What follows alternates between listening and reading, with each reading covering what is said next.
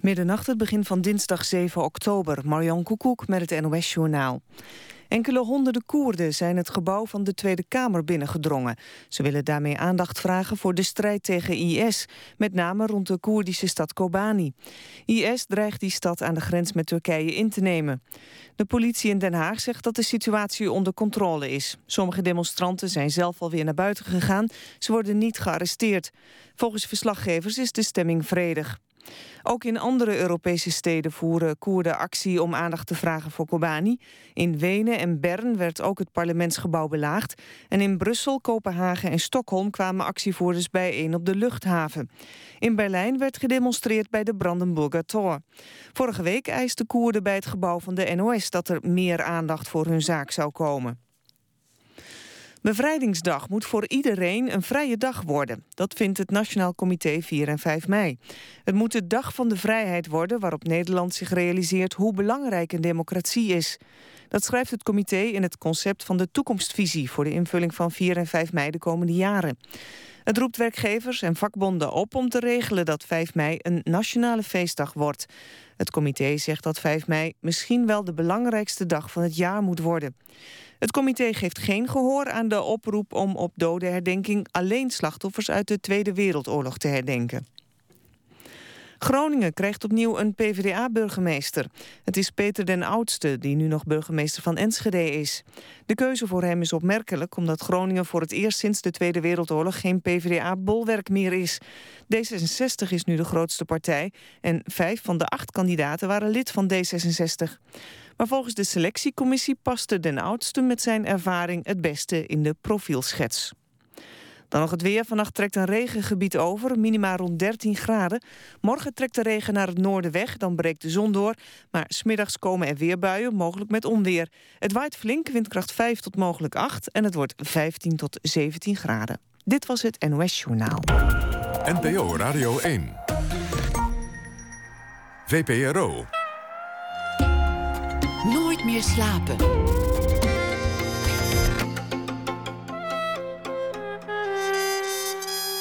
met Pieter van der Wielen. Goedenacht. Over schuld en onschuld gaan we het hebben vannacht in Nooit meer slapen. En over liefde en liefdeloosheid. Over het criminele brein gaat het na één uur... naar aanleiding van een tentoonstelling van foto's uit het Lombroso Museum. Lombroso was de oercriminoloog van de doorgetrokken wenkbrauwen... en de grote kin bij Jeroen Teunissen schreef een boek, Onschuld, over een oorlogsfotograaf die in Syrië gevangen wordt genomen. Een gesprek met hem ook na één uur. En Özcan Akil, ooit een boefje, is nu een succesvol schrijver. Schrijft deze week elke dag voor ons een verhaal op basis van de afgelopen dag. We beginnen met Hanna Bervoets. Efter heet haar nieuwe boek over een nabije toekomst waarin farmaceuten een medicijn tegen de liefde hebben bedacht. Bervoets werd geboren in 1984 in Amsterdam. Ze debuteerde in 2009 met Of, Hoe, Waarom. Haar boek Lieve Celine werd onderscheiden met de Opzij Literatuurprijs. Daarna volgde Alles Wat Er Was. Verder schrijft ze voor film en theater. En ze is vaste columniste bij Volkskrant Magazine. Hartelijk welkom. Dankjewel. Ik heb uh, het grootste deel van het weekend op een bankje gezeten in een park in Parijs, waar het uh, zonnetje scheen. Met naast mij een stapel met je boeken. Dus het is eigenlijk net alsof ik op een bankje zat en jij tegen me aan zat te praten een heel weekend. Ja, lang. Wauw, ja. Dat is een hele eer. Ja, ik heb dat ook altijd. Als ik een boek lees van iemand die ik één keer heb ontmoet of zo. En ik lees dat boek, dan, heb ik, dan voel ik die aanwezigheid heel erg. En dan lijkt het ook alsof die het hele weekend bij je is. Terwijl die ander geen idee heeft. Dat nee. zo'n gekke. En zo, zoals het hoort bij, bij een weekend weg met iemand, dan leer je ook iemands duistere zijde kennen. Dus ik, dat leek me wel leuk om daar maar meteen mee te beginnen. Met je, met je morbide en apocalyptische kant. Want, want in ieder boek komt het wel terug. Een naaldhak die in iemands schedel wordt gekliefd. En de moordenares die erachter komt dat het een makkelijke manier was van moorden, waardoor het zonde van de schoen was. Of mensen opgesloten in een, in een schoolgebouw tot elkaar veroordeeld en het eten raakt op. En, en ze worden zwartgalliger en zwartgalliger. Ja, als je het zo allemaal achter elkaar zet, dan. Mensen die met hun elektrische autootje op het pontje klem raken tussen de kade en het pontje. En ja, ja. de bestuurder van het pontje die kan eigenlijk niks anders dan doen dan stil blijven hangen of gas geven. En dan verdrinkt iemand met scootmobiel en al. Ja, ja, nu het zegt vind ik het inderdaad ook heel erg morbide. Maar ik bedoel het niet verwijtend hoor, want ik lees dat nou met ja. buitengewoon veel plezier. Nou, ik schrik er zelf wel eens van. Want ik denk, ik, ik zie mezelf niet als een morbide uh, schrijver. En ik had het laatst met mijn moeder daarover. En die zei uh, over mijn werk. En dat hebben we helemaal niet zo vaak. Maar zij zei: Oh, heb ik je wel goed opgevoed? Want er komt zoveel moord en doodslag in je boeken voor. En toen zei ik: Hè, moord en doodslag? Er zit toch helemaal geen moord en doodslag in mijn boeken? En toen ging ze ook zo'n rijtje opnoemen, zoals jij eigenlijk nu net doet. Toen dacht ik: Oh. Oh, je hebt gelijk. Maar ja, ik heb niet een bepaalde intentie. Ik, ik hou zelf helemaal niet van horrorfilms. Dus. Ja. Zo'n beeld dat blijft, blijft wel hangen. Van iemand komt met zo'n elektrisch autootje aan en wil nog net het pontje halen. Maar die, die pontjes mensen hebben haast, dus die doet die kap omhoog. Jij woont in Amsterdam Noord, jij ziet dit ritueel vaak. En dan zo'n karretje dat klem zit tussen kade en, en pontje. Hoe begint zo'n zo'n verhaal? Bedenk je dat ook op het pontje? Ja, nou, dit zit in lieve Celine inderdaad. En die moeder die is depressief en die wil ook eigenlijk uit het leven stappen. Um, dat zit niet expliciet in het boek, maar dat is waar het in een eigen een hoge instantie wel over gaat. Dus dan dat verzin ik dan al van tevoren. Uh, dat is een plot gegeven waar ik ook naartoe werk, zodat ik goed weet waar ik mee bezig ben. Maar hoe ze het dan vervolgens doet of wat er dan vervolgens gebeurt, dat, dat um, verzin ik eigenlijk tijdens het schrijven of de ochtend dat ik bij dat gedeelte ben van het verhaal, ga ik zitten en denken: hey, hoe zou dat kunnen gebeuren? En die Kanta was heel belangrijk voor die moeder. En dat is inderdaad ook in de rest van het boek. Dat speelt in Amsterdam-Noord. Daar... Het Kanta is het karretje. Ja, een Kanta is een soort invalide wagentje. En Noord is heel erg aan het veranderen. Ik schreef dit boek vier jaar geleden. Maar toen was de Kanta echt het vervoersmiddel van Noord. Dat is nu eigenlijk bijna de bakfiets alweer aan het worden. Maar dat, dat, dat speelde toen heel erg. Dus toen ben ik gewoon gaan kijken, ja, welke elementen heb ik en wat past bij haar karakter. En toen kwam ik ja, op het idee dat zij gewoon maar rukzichtloos gas zou geven, terwijl de pont eigenlijk al weg aan het gaan was. Ik vond dat ook wel een mooi beeld van ja, dat het je niks meer kan schelen en dat het gewoon klaar is. En dan dat gas geven in zo'n klein wagentje en dat het dan fataal kan zijn. Ik dacht, die, die uh, gebruikt plekken uit haar omgeving en, en heeft daar dan af en toe een, een duistere gedachte die opkomt. Iemand die in, in Paradiso van het balkon wordt, wordt geflikkerd bijvoorbeeld. Het zijn allemaal plekken waar ik aanneem dat jij wel eens komt. Ja, ja, dat zit in mijn eerste boek. Toen, toen kwam ik daar veel. Eh, mijn boeken zijn ook heel erg een weerslag van wie ik toen was en waar ik toen mee bezig was. Ik vind het altijd lastig om nog dingen over dat eerste boek te zeggen. Dat is uit 2009. Ik was toen 24 toen ik dat schreef. En toen had ik inderdaad. Um, ik was heel erg gefascineerd door de Amerikaanse high school shooters. Ik, ik las daar alles over. Echt wetenschappelijke rapporten tot uh, non-fictie. Ik, ik, was daar heel erg mee bezig. En dat heb ik toen gebruikt um, in dat boek. Te, samen met mijn fascinatie voor roem, die ik toen heel erg had. En daar is het boek eigenlijk uit voorgekomen. En toen ging ik ook veel uit, inderdaad, want ik was net student af. Dus dat zit er dan allemaal in. Dat heb ik er allemaal ingestopt. Maar Iemand nu, die zo graag beroemd wil worden dat uiteindelijk het moorden een, een middel wordt. Ja, dat was eigenlijk het thema van uh, Of Waarom.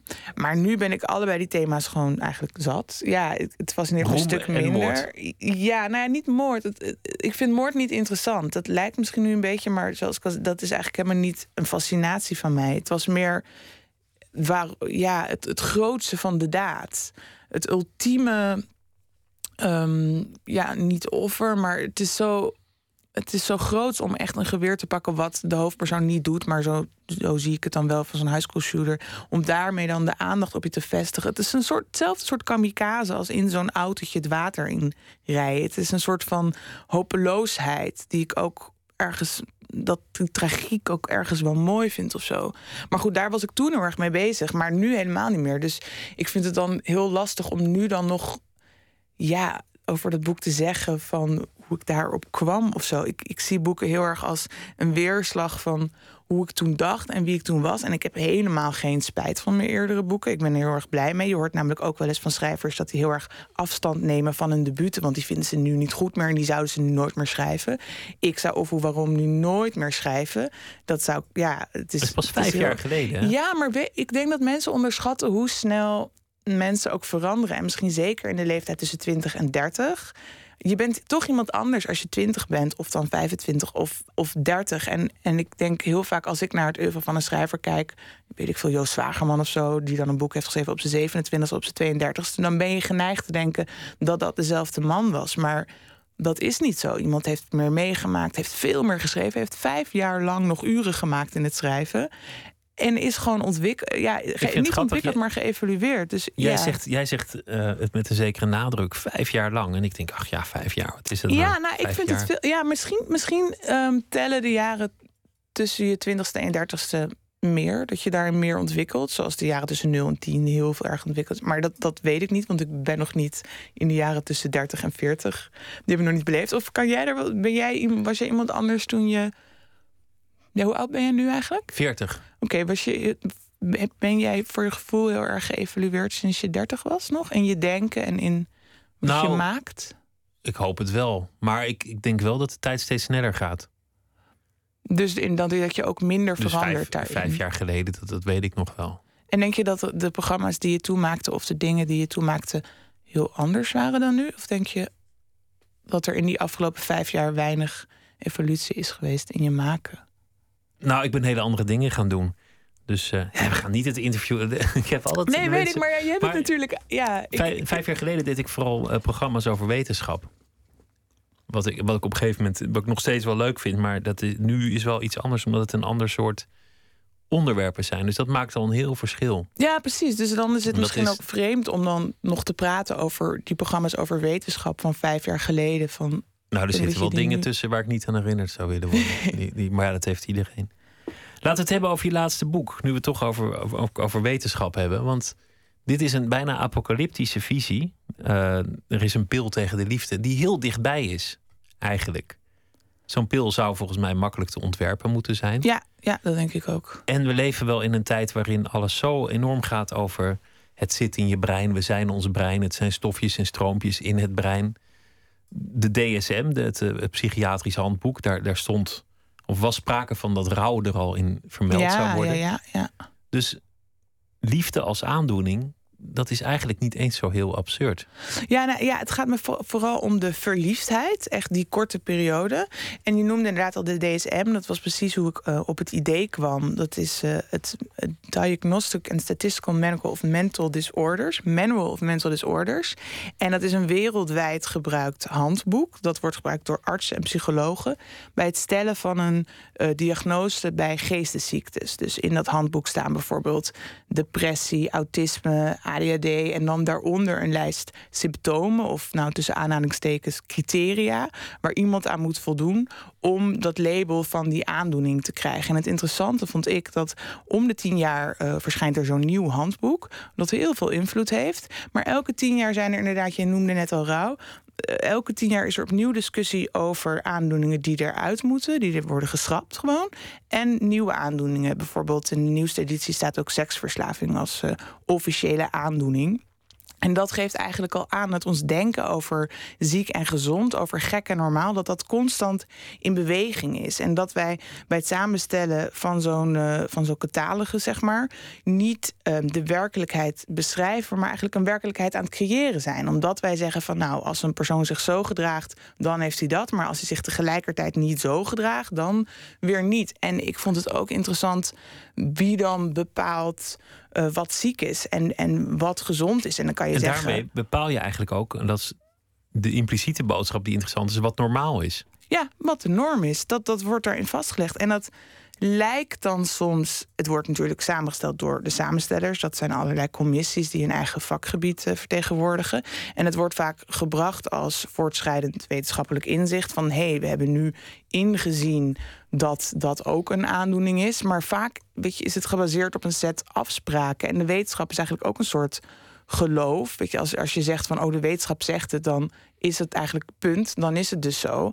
En een andere tendens die je nu natuurlijk heel veel ziet, is ehm, dat je naar het brein kijkt om gedrag te verklaren. Als je een eh, verslaafde in de hersenscanner eh, legt, dan, dan lichten er bepaalde gebieden op. En als je een verliefde onder de hersenscanner legt, dan ehm, lichten eigenlijk diezelfde gebieden op. En als je kijkt naar de. de ehm, waarde die aan die scans wordt gehecht, dan zou je kunnen zeggen: Nou, er kan op een dag iemand komen die zegt: Hé, hey, waarom noemen we verslaving wel een ziekte en verliefdheid niet? Terwijl er zijn Je ook. kunt eh, natuurlijk enorm verslaafd zijn aan, aan de liefde. Iedereen die wel eens verlaten is. ja, En, en om vier uur s'nachts uh, in benevelde toestand de ex-geliefde opbelt oh, oh, van... oh, ja. Lieverd, ik heb het allemaal opgelost. Die weet dat dat heel dicht bij verslavingsproblematiek zit. ja, het is hetzelfde mechanisme. Maar aan de andere kant, kijk, er zijn ook heel veel wetenschappers die zeggen. We hechten zoveel waarde aan die, die breinpatronen, dat, die gekleurde gebiedjes, maar eigenlijk weten we niet echt wat daar gebeurt. Dus het is nog maar de vraag of het echt iets zegt. Maar gelet op die tendens, hoeveel waarde we eraan hechten, denk ik dus dat we ooit zouden kunnen gaan zeggen: hé, hey, verliefdheid waarom behandelen we dat niet als ziekte? Ook als je kijkt naar het gedrag. Je noemde net al dat virus straks. Als je kijkt naar um, het lijstje uh, symptomen dat in de DSM onder obsessive compulsive disorder staat, dan komt dat best wel aardig overeen met het lijstje van gedragingen van een verliefde. Inderdaad, obsessief met één iemand bezig zijn. Ik heb, ik heb wel eens een hersenwetenschapper geïnterviewd die heftig verliefde mensen in een scanner legde. En ja. dat was nog niet eens liefdesverdriet. Het ging nog allemaal goed liet ze kijken naar een foto van het onderwerp van hun verliefdheid. En hij zei: Het leek toch het meest op een psychotische toestand. Al die gebiedjes, die hele ravage aan stofjes en stroompjes in, in dat brein. Ja. Het is gewoon een psychose eigenlijk. Ja, ja nou, in ieder geval, je, maar dat weet iedereen die verliefd is geweest en die ook om zich heen verliefde ziet. Je beoordelingsvermogen is gewoon zwaar vertroebeld. Alleen er zit geen negatieve connotatie aan verliefdheid. Tenminste, bij gelukkig verliefd. En dan zegt niemand. Oh jee, je bent gek geworden. Iedereen zegt: Oh, wat fijn, je bent verliefd. Terwijl bij ADHD zegt niemand: Oh, wat fijn, je hebt energie. Daarbij zegt iedereen: Oh, je bent ziek, omdat we dat nou eenmaal hebben bepaald. Dat vind ik een, ja, een heel fascinerend uh, gegeven aan verliefdheid. Wat is het meest uh, psychotisch verliefde dat je bent geweest? Ja, ik kan het wel aardig nou, het zijn eigenlijk een beetje. Het zijn meer kleine dingen. Ik kan misschien ook omdat ik er nu zo ingedoken ben, bij mezelf goed aanwijzen ik ben nu verliefd en daardoor handel ik eigenlijk anders dan ik normaal zou handelen. En dat kan je gewoon, dat merk je heel simpel als, um, nou, als je bent verliefd bent en je krijgt een sms'je, is je eerste gedachte, misschien is het van die ander. Als het sms'je dan een leuk sms'je van je vrienden is, is dat een teleurstelling. Iets leuks van vrienden is opeens een teleurstelling. Dus dat is een totale vertekening, een totale andere interpretatie van de werkelijkheid, zoals je hem anders zou hebben. En ja, ik denk niet dat ik me heel raar ja, ik ben niet een stalker of zo, maar ik kan wel ja, heel erg smachten en naar iemand. Maar dat, ja, niks het heeft, het heeft het in die zin natuurlijk ook allemaal zo ADHD gemaakt, die hele liefde. Dat, dat je de hele dag zo'n kastje bij je hebt waar die ander eventueel jou op kan vinden of waar je die ander even op kunt sms'en. Dat heeft natuurlijk. Ja, de, social media. Oh, dat is natuurlijk. Ja, dat heeft en dat is natuurlijk de hel voor de verliefden. Ja, ja, de social media sowieso. Het is zo grappig om met een verliefde of een ongelukkig verliefde of een ex te praten over hoe die die ander volgt op de social media. En dan krijg je allemaal van die kleine dingetjes van ja, en ik zag dat die ander online was, maar heeft mij niks teruggestuurd. Of ik zie die ander nu met een foto van een nieuwe meisje of een nieuw jongen. En doet die ander dat omdat hij weet dat ik dat zie? Of is dat oprecht omdat hij met dat andere jongen of meisje is? En zal ik het dan liken? En als ik het dan like, betekent dat dan, is dat dan grootmoedig van mij? Of denkt hij dan juist dat ik nog met hem bezig ben? En zo is er één grote interpretatie stroom brengt het met zich mee. Het maakt Kortom, helemaal die, gek. Die pil tegen de liefde, die moet er gewoon komen eigenlijk. Heb je het geschreven vanuit een, vanuit een angst? Van, van wat, wat als dit zou gebeuren? Of was het gewoon een interessant vertrekpunt voor een verhaal? Van een gedachte-experiment? wat als je die pil zou uitvinden? Uh, dat tweede, dat is eigenlijk hoe ik werk. Ik, ik, ik, werk graag vanuit een vraag die ik mezelf stel. Dat ik zelf interessant vind om te onderzoeken. Uh, we hadden het net even over die norm. Dat is eigenlijk een thema dat in veel van mijn werk terugkomt. Omdat ik het heel interessant vind hoe ontstaat die en hoe verschuift die? En heel veel mensen, dat merk ik bij dit boek, bij Efter, als ik um, kritieken lees, die zijn dan positief, maar dan veel mensen denk ik dat ik maatschappij kritisch ben. Terwijl dat is zeker niet mijn bedoeling. Ik vind dat wij in een hele mooie maatschappij leven, maar mensen doen niet altijd even mooie dingen. En ik vind het interessanter om te zoeken, uit te zoeken waarom, hoe dat komt. Welke verhalen mensen zichzelf vertellen om hun daden eigenlijk goed te keuren. En ehm, ik heb ook geen kritiek op de farmaceutische industrie. Ik beschrijf gewoon hoe het zou kunnen zijn, gezien ehm, de manier waarop het nu gaat. Maar daarmee wil ik niet zeggen Um, dat is niet goed, want dat vind ik ook veel te kort door de bocht. Als we inderdaad even kijken naar die farmaceutische industrie. Op dit moment is het zo dat um, bijvoorbeeld de fabrikant van pillen voor ADHD... Um, die zijn aan het lobbyen bij de samenstellers van de DSM-catalogus. Zo zijn ze ook aan het lobbyen bij artsen, vooral in Amerika... om die medicijnen te laten voorschrijven... en om de aandoening ADHD erkend te houden.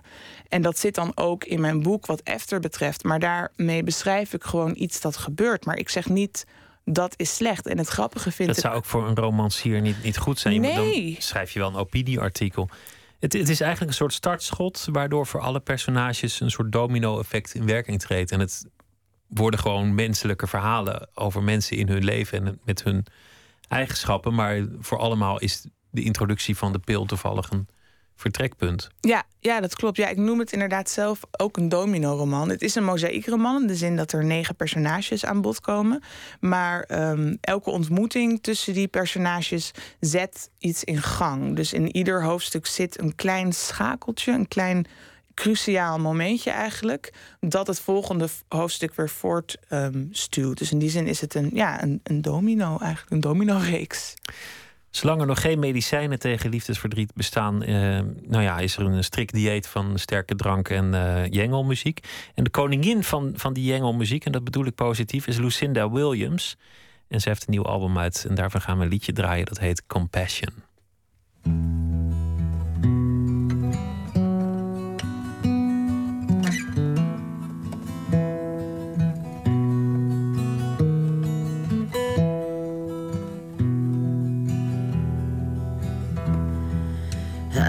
Compassion for everyone you meet, even if they don't want it.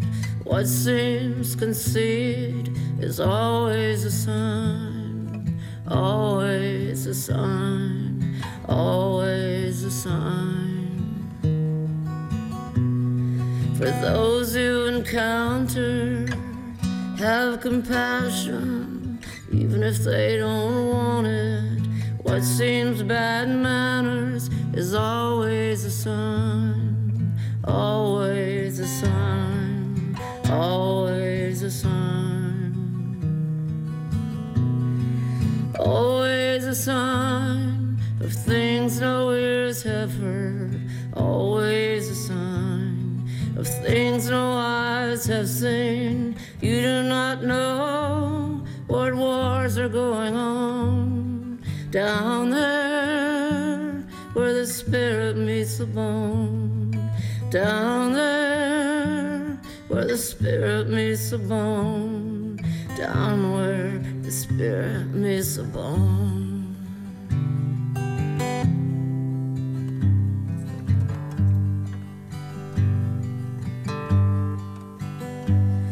For everyone you listen to, have compassion even if they don't want it.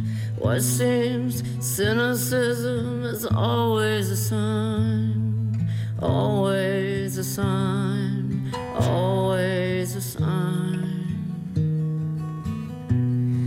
always a sign of things no ears have heard, always a sign of things no eyes have seen. You do not know what wars are going on down there where the spirit meets the bone. Down there where the spirit meets the bone. Down where the spirit meets the bone. Down there where the spirit meets the bone. Down there the spirit meets the bone, down where the spirit meets the bone. Lucinda Williams, het nummer heet uh, Compassion van haar laatste album Down Where the Spirit Meets the Bone. Dat uh, zinnetje kwam ook uh, langs. U luistert Nooit meer slapen in gesprek met Hanna Barefoots naar aanleiding van haar nieuwe roman Efter. Wat als er een pil zou zijn tegen de liefde? Wat als liefde verliefdheid? Tegen verliefdheid. En, wat, als, dat te bestrijden was. Eigenlijk gaat het ook over, over discipline. Want hetzelfde geldt voor de verslavingsindustrie. Dat kun je met medicamenten bestrijden of je kunt naar kliniek gaan. Maar er zijn ook mensen die gewoon op eigen wilskracht. Het is heel omstreden. Er zijn psychiaters die zeggen: nee, maar dan ben je niet echt afgekikt als je het zelf hebt gedaan. Oh, echt? Oh, ja. En zo, zo nemen ze je de vrije wil eigenlijk af. Maar in de liefde is dat natuurlijk een van de allermoeilijkste dingen. Om, om niet dat berichtje te sturen. Om niet naar die anders een Facebookpagina te gaan kijken. Om niet over te geven aan al dat geklooi. Maar dat vergt een, een ijzeren wilskracht. Ja, en daarom vraag ik me ook wel af of als die pil er zou zijn, of we massaal zouden gaan slikken. Want dat slikken, dat, eh, dat vergt natuurlijk al een wilskracht. Maar ik kan me voorstellen dat dat de wilskracht vergt um, die je nodig hebt om iemands nummer uit je telefoon te verwijderen. Want dat doen, dat heb ik, dat doe ik, heb ik zelf nooit gedaan. Maar in mijn omgeving zie ik dat dan wel eens ongelukkig verliefd te doen. Van ik haal het nummer uit mijn telefoon. En dat wil nog wel eens helpen. Dat je even zo'n sterk moment hebt. Maar kijk, als je verliefd bent, dan, en je wil er vanaf, dan weet je, er is één remedie. Dat is die ander niet opzoeken, niet zien. Op internet niet, in het echt niet. Maar er zijn maar heel weinig mensen die inderdaad dat actief kunnen. Ik word meestal verlaten en dat is, dat is een enorm geluk. Want het is alsof je probeert te stoppen met roken, maar die sigaretten jou niet meer willen. Ja, dat die sigaret gewoon zegt: donder op, ik heb geen zin in jou.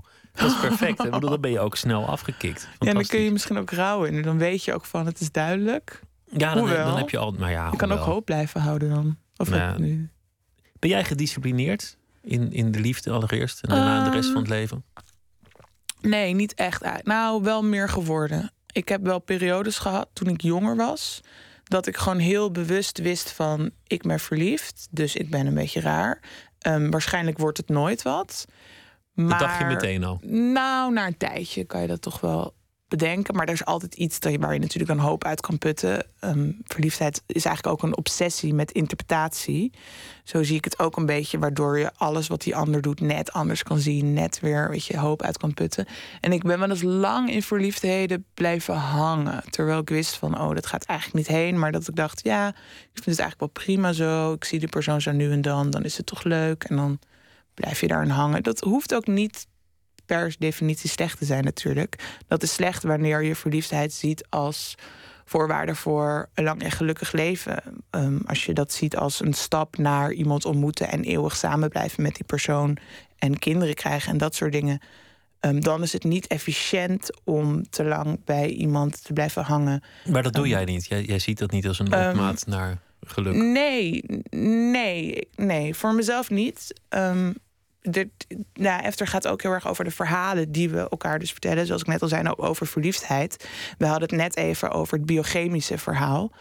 Um, dat het allemaal maar stofjes zijn, om het maar even plat te zeggen. Een ander verhaal is het romantische verhaal, dat in onze maatschappij heel sterk is. En dat is, je moet, um, nou, je gaat eerst dus uh, naar school en dan ga je studie doen, dan ga je baan zoeken. Dan vind je iemand, of die heb je met een beetje geluk al gevonden. Um, daar blijf je dan mee samen, omdat je daar een kind mee wil en een huis mee wil. En het, in het beste geval blijf je daar tot je dood mee samen. Maar ja, onze maatschappij is ook heel erg praktisch gezien ingericht op dat verhaal. En de meeste mensen um, willen het ook graag. En dat snap ik heel goed. Maar voor mezelf um, is het niet echt een streven om één iemand te vinden en daar dan de rest van mijn leven mee te zijn. Helemaal niet. Ik bedoel, niet, niet voor altijd. Dat, dat, dat, snap ik. Dat is ook wel misschien erg veel gevraagd. Maar je hoeft eigenlijk niet zo nodig iemand aan je zijde. Nee, maar ik zeg ook niet dat ik het niet wil. Er helemaal niet. Maar ik ben niet. Het is niet echt zo'n actief streven. Natuurlijk, als je verliefd bent, dan wil je dat wel opeens. Want dan wil je heel graag samen met die ander zijn. Maar ja, ja, nee, ik geloof. Dit is, ja, het, het heeft voordelen om met iemand samen te zijn, denk ik. En het heeft nadelen. En ik denk dat in, voor een deel in de liefde ook wel zit dat mensen verliefd worden op de belofte van een ander leven. Dat ze hopen dat die ander ze zal wegvoeren uit hun bestaan en zijn alternatief bestaan zal bieden. Ja, en dat is natuurlijk ook zo. Want je leven wordt wel anders als je samen met, anders, met iemand anders bent. Je krijgt al zijn vrienden erbij, om het maar even plat te zeggen. Je krijgt hobby's, iemands verleden erbij. Zijn onhebbelijkheden. Ja, ja dus um, het wordt ook anders. Maar ja, ik, de vraag is of je dat dan graag wil. Ja. Zou je je helemaal kunnen verliezen in iemand? Um, wat bedoel je daar precies mee? Of... Nou ja, dat is natuurlijk uiteindelijk de, de romantische droom van de liefde. Om volledig in vervoering te raken. Om, om al je weerstand los te laten. Om die wilskracht helemaal te laten gaan. En volledig op te gaan in die ander. Ja, maar nu klinkt het een beetje eng. ja, nee, Nou ja, ja, ik kan wel heel erg is verliefd ook zijn. heel eng. Ja, ik ben wel, ik ben wel plat gezegd romantisch in de zin van ook ben verliefd. Weet je wat? Laten we morgen naar Parijs en laten we daar een week blijven. Maar na die week zou ik dan denk ik wel weer zeggen: oh, ik wil eh, aan het werk weer. Maar ik kan in die zin wel romantisch zijn. Maar De controle uit handen geven. ja, ja, ja, het is gewoon. Een vriend van mij zei, eh, zei laatst tegen me: ja, eigenlijk is het gewoon eh, gratis drugs. En het is legaal, dus ga er maar even lekker op. Maar ja, dat moet je ook niet te lang doen. En ooit komt natuurlijk ook weer een dip ervan. Het klinkt toch wel nuchter. Als ik je zo over hoor, dan, dan klinkt het toch alsof je dat. Alsof je altijd wel een soort waakvlam van verstandelijkheid aan hebt. En eigenlijk ook altijd wel oppast om niet helemaal je in dat ravijn van die ander te storten. Ja, nou ja, het refijn, ja. Misschien niet, Ja, niet de misschien. meest romantische beeldspraak trouwens. Ja, nou, ik kijk er wel inderdaad wel nuchter tegenaan. En ik kan ook wel mijn eigen daden wel heel erg objectiveren. Wat ik natuurlijk ook gewoon voor mijn werk heel vaak doe. Omdat ik een column schrijf. En dus dan ben je eigenlijk constant bezig met interpreteren van andermans gedrag en je eigen gedrag. Dus ik denk dat ik er daardoor nu ook best wel nuchter over kan praten. En nuchtere dingen over kan zeggen. Maar ik weet ook wel dat als het zover is, als ik echt verliefd ben. Dan kan ik, nou, wat ik net al zei, heel erg aanwijzen van... oh, ik ben verliefd, maar ik kan me niet onttrekken. Net als, ehm, ja, we zijn allemaal ook wel eens somber... en soms echt zwaar somber. Dan kan je aanwijzen, hé, hey, ik ben somberder dan normaal. Misschien ben je dat al eerder geweest. En toch word je niet opeens vrolijk. Je kan jezelf daar niet uittrekken. Dus ik kan me niet... Ik kan niet door te denken, oh, verliefdheid is maar een verhaal... of verliefdheid is maar een proces, of het is biologisch. Daardoor kan ik het niet minder maken het gevoel. Ik, ja, ik Het gebeurt je even goed als, ja. als ieder ander. Ja. Heb je ooit een lange relatie gehad? Ehm, nee. Nee. Nee. N- Nooit. Nee. Wat, maar ja, hangt van de definitie van lang af. Nou, eh, een paar maanden rommelig aan uit. Oh ja, nee, dat is niet, dat is niet echt Nee, een lange, lange lang. relatie. Nee. Nee. Is dat nooit op je pad gekomen of, of was het nooit je wens? Het was nooit mijn wens, denk ik. Maar dat komt natuurlijk. Kijk, je kan natuurlijk je afvragen van. Het, het is een soort self-fulfilling iets ook. Want ik ben natuurlijk lang alleen. Dus ik ben nu zo gewend om alleen te zijn. ehm, dat ik dat ook gewoon het fijnst vind. En dat het een, een waarschijnlijk heel erg aanpassen wordt als ik dan samen met iemand ben. En ik heb ook het gevoel dat mensen die ehm, langs vaak relaties hebben, dat die daar ook. Dat die weer niet lang alleen zijn. Dat mensen die lang alleen zijn weer. Dat, weet je, hoe langer je alleen bent, hoe minder relaties je hebt. Ik heb het gevoel dat je een soort twee type mensen daarin hebt. Omdat het bijna een soort gewoonte is. Als je gewoonte is samen met iemand zijn en het gaat uit. Dan zie ik vaak bij mensen dat ze vrij snel alweer een nieuwe partner krijgen. Terwijl als mensen alleen zijn, dan blijven ze ook vaak wat langer alleen voor mijn gevoel. Maar, Maar je hebt ook een beroep dat waars- waar- waarschijnlijk niet helpt, omdat je, dat je thuis werkt, omdat je alles uit jezelf moet halen, omdat dat veel discipline vergt om te schrijven, om jezelf aan de gang te houden. ja. Het is een, ook een solitair leven in zekere zin. Ja, precies. Ik ben gewoon zo gewend om alles zelf in te delen en alles zelf te beslissen. Dat ik er bij wijze van spreken niet aan moet denken dat ik dan rekening moet houden met een ander, wat heel egoïstisch klinkt en het ook is. Maar dat heeft natuurlijk wel met mijn beroep te maken. Maar je kan het ook weer omkeren. Waarom heb ik dit beroep? Waarschijnlijk ook omdat het bij mijn karakter past. Omdat ik graag de touwtjes zelf in handen hou, graag alleen ben, niet echt van samenwerken hou. Dus het kan ook andersom zijn dat ik daarom zo goed ja, me heb kunnen ontwikkelen als schrijver. Je bent opgegroeid met, met je moeder die zonder, zonder vader.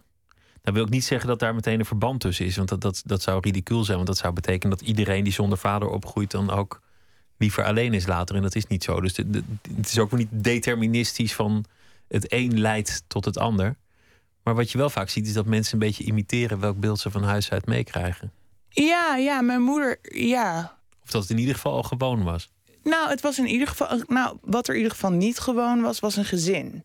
Of echt een klassiek gezin van eh, ouders en één of twee kinderen aan de keukentafel. Dat heb ik eigenlijk nooit gezien, omdat mijn moeder die heeft me er eentje op, ehm, opgevoed. Ze heeft, mijn vader was oorspronkelijk een donor, maar later hebben zij wel een relatie ook nog gekregen. En later ehm, ging ik ook wel één keer per week bij, mijn vader langs. Ze kende hem wel. Maar ja, ik kende niet dat plaatje van vader komt thuis en er moet een biertje voor hem gehaald. Eigenlijk kwam ik daar pas mee in aanraking in mijn puberteit. Ja, toen ik ehm, naar het gymnasium ging. Daarvoor zat ik op een, op een buurtschool. Ja, toen heette dat de buurtschool, nu zou je zeggen een zwarte school. Maar daar waren eigenlijk ook geen wat je normaal tussen aanhalingstekens gezinssituaties. Want daar waren dan gezinnen waar de vader er niet was, gezinnen van tienermoeders, uh, Marokkaanse gezinnen waar er twee vrouwen in huis waren en één man. Ja, daar, daar was bijna niet dat hele klassieke gezin er ook niet. Dus ik kwam ik laat mee in aanraking en toen vond ik dat heel raar. Ik weet nog dat ik op mijn veertiende bij dan een nieuw, een nieuw vriendinnetje op bezoek was. En toen kwam daar die vader thuis. En toen zei die moeder van... oh, kom even rustig nu. Dat, even, dat papa rustig kan thuiskomen. En dan, uh, ja, dan pakken we inderdaad dat biertje dan voor hem. En dat ik echt dacht...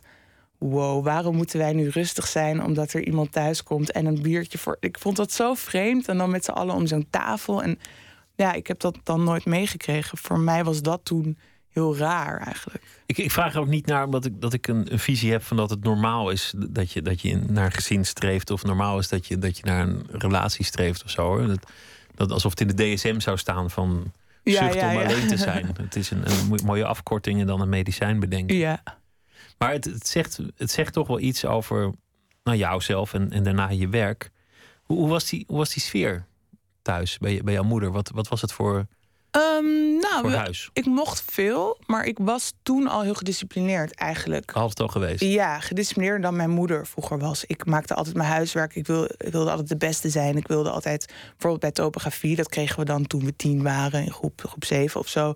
En dan moest je zo 16 plaatsen opzoeken. En dan kreeg je dan een overhoring. En dan moest je die 16 plaatsen opschrijven. Maar dan ging ik de, de, de atlas pakken en er 10 plaatsen bij tekenen. En dan ook bij de overhoring die 10 plaatsen erbij tekenen. Zodat ik een 16 kreeg in plaats van een 10. Dus ik was gewoon echt heel erg een streber. En mijn moeder zei altijd: Nou, toen ik jouw leeftijd had, ging ik liever roeien dan naar school. En ja, die snapte niet echt ook waar dat dan vandaan kwam. Maar ja, ik heb dat eigenlijk altijd gehad. Dus in die zin ze heeft me altijd heel erg vrijgelaten. Maar wanneer ik dat dan nu zeg, bijvoorbeeld in interviews zoals dit, dan zegt mijn moeder dan later weer tegen mij: Ja, maar ik kon jou vrijlaten omdat je gewoon, ik vertrouwde jou heel erg. Dus misschien had ze me niet zo vrijgelaten als ik weet je, een wat ongedisciplineerde kind was. was. Ja, ja, ja. Dus ik heb een hele vrije opvoeding gehad. Maar dat heeft ook te maken met het kind dat ik was. Daar heeft mijn moeder gewoon naar gekeken. Ja, en verder mocht ik gewoon heel veel. Zeker ook in vergelijking met de gymnasiumkinderen dan. Die mochten niet roken, niet laat naar bed en zo. Die deden dat allemaal wel. En ik mocht dat allemaal wel. Mijn moeder vroeg op mijn vijftiende of zo... of misschien vroeg mijn vader dat van heb je wel eens gebloot? En zei ik nee, ul. Maar de andere kinderen die wilden allemaal blowen omdat ze dat niet mochten. Dus ja, het was heel vrij, maar ik... ik Misschien werkt het ook wel zo dat je verantwoordelijk wordt van vrijheid... omdat je zelf de lasten draagt van, van alles wat je verkloot. Ja, het moet invullen. Maar het is altijd weer zo'n vraag van... ja, is het dan mijn karakter of mijn opvoeding? Want nu plan ik ook heel strikt mijn tijd. Nu ben ik totaal vrij eigenlijk. Ik kan elke dag de trein pakken naar ehm, Duitsland. maar ja, dat doe ik ook niet. Wil je nog steeds de beste zijn? Ja, ja, ja, ik, ja.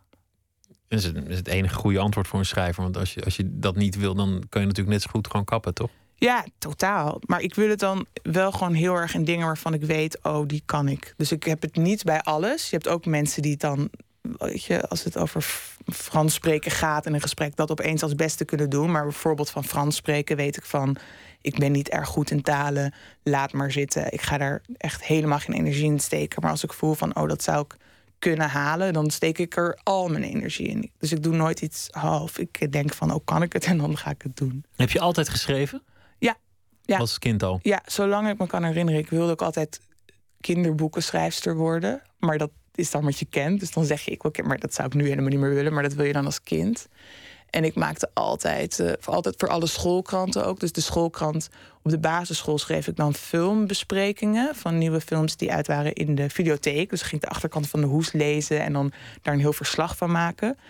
En later heb ik ook weer voor het studie. Ik ging uh, media en cultuur studeren. En dan moet je een jaar lang filmwetenschappen doen. Dus ging ik ook weer voor het filmblaadje schrijven. En daarna recensies. En ik heb het gewoon altijd gedaan. Maar ik heb nooit die bewuste gedachte gehad van. Ik word later schrijver of ik word later journalist. Omdat ik het altijd al deed. Dus ik, ja. Soms zeggen mensen van, oh, wanneer besloot je dat nou? Of wanneer wist je dat nou zeker? Maar dat moment kan ik eigenlijk helemaal niet aanwijzen.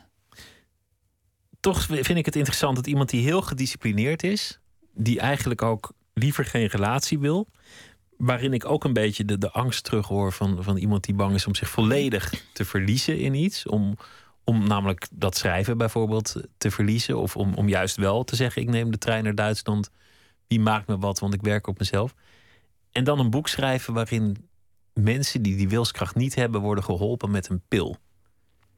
Ik zie, ik zie daar toch wel een verband tussen jouw karakter en hetgeen je schrijft. Ja, maar het is niet zo dat ik, dat ik die pil wil of zo. Of voor anderen. Of helemaal niet zelfs. Nee, nee, maar volgens mij wel een fascinatie voor, voor het zich volledig kunnen verliezen en niet meer herstellen. Wat sommige mensen hebben. Ja, maar ja. Ik, ik, ik weet het niet. Maar misschien ken ik dat dan ook wel bij mezelf hoor. Dat ik ook heus wel aan mijn eigen verliefdheden heb gedacht.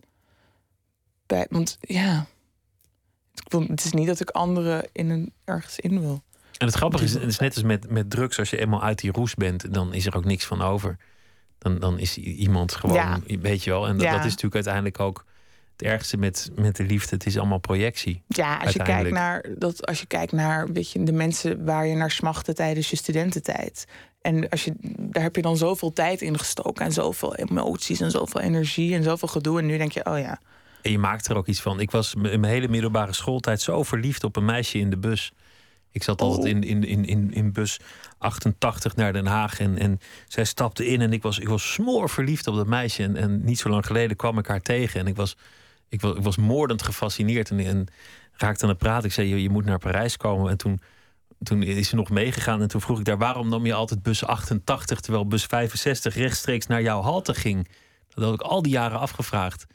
En toen zei ze: Oh, dat wist ik niet. Oh, ik dacht dat ze zou zeggen, omdat ik ook op jou verliefd Nee, joh, was. ze wist het Oh. gewoon niet. Ze wist niet dat er een snellere bus was. Oh, ze was eigenlijk gewoon dom.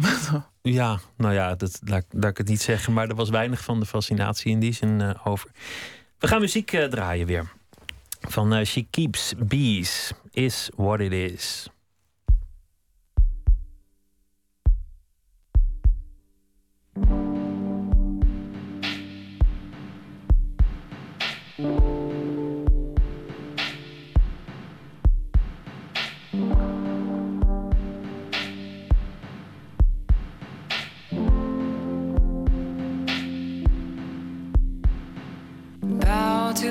Power. Make sure it knows how heavy it is. Be not completely, be not completely consumed.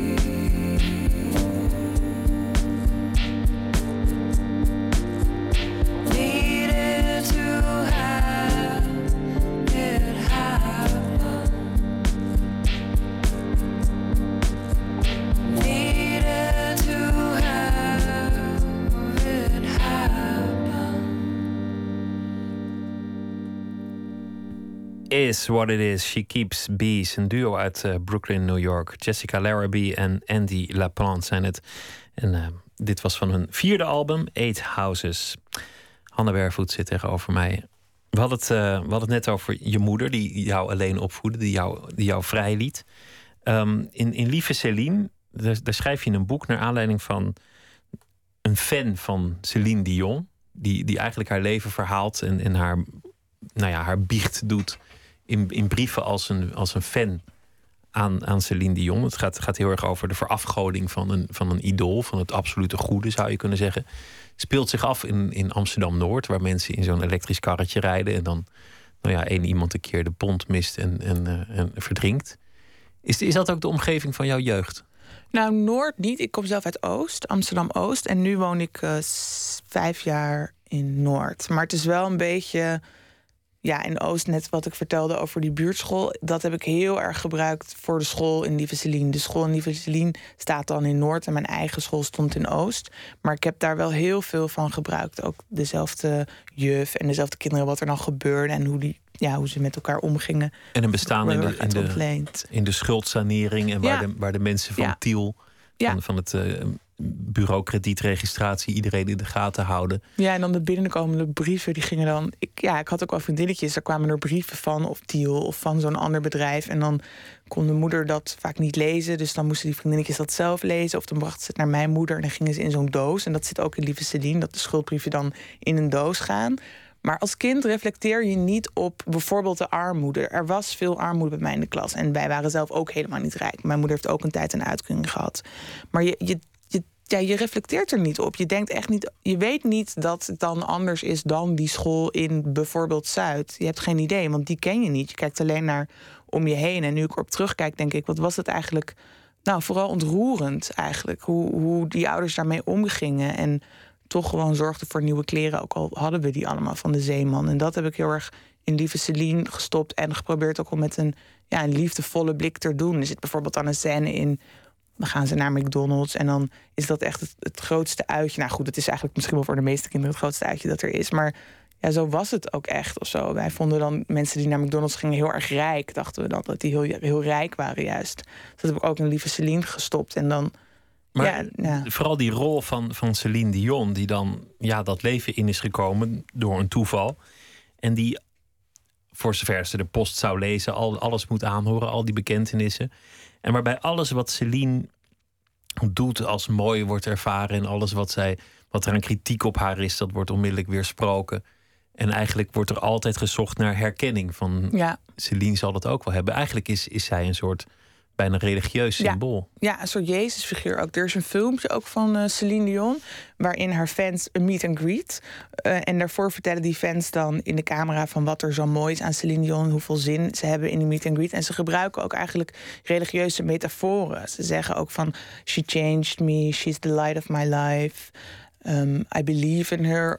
Hetzelfde, het is dezelfde taal. En dan komt Celine Dion binnen en heeft een wit gewaad aan. En iedereen is meteen stil en ze spreidt ook haar armen. En er zit heel veel ja, symboliek in die er niet expres in zit. En die ik er natuurlijk ook in zie, omdat ik daarop gespitst ben. Maar ik geloof zeker dat het vereren van bekende mensen voor heel veel. Uh, mensen die dat doen, voor fans, een, eenzelfde soort functie kan hebben als het vereren van een god. Het is gewoon heel fijn om iets hogers te hebben dat per definitie goed is. En om een soort doel te hebben. En ook, um, ik ben best wel in die, die fanscene toen gedoken. De lieve Celine fanscene.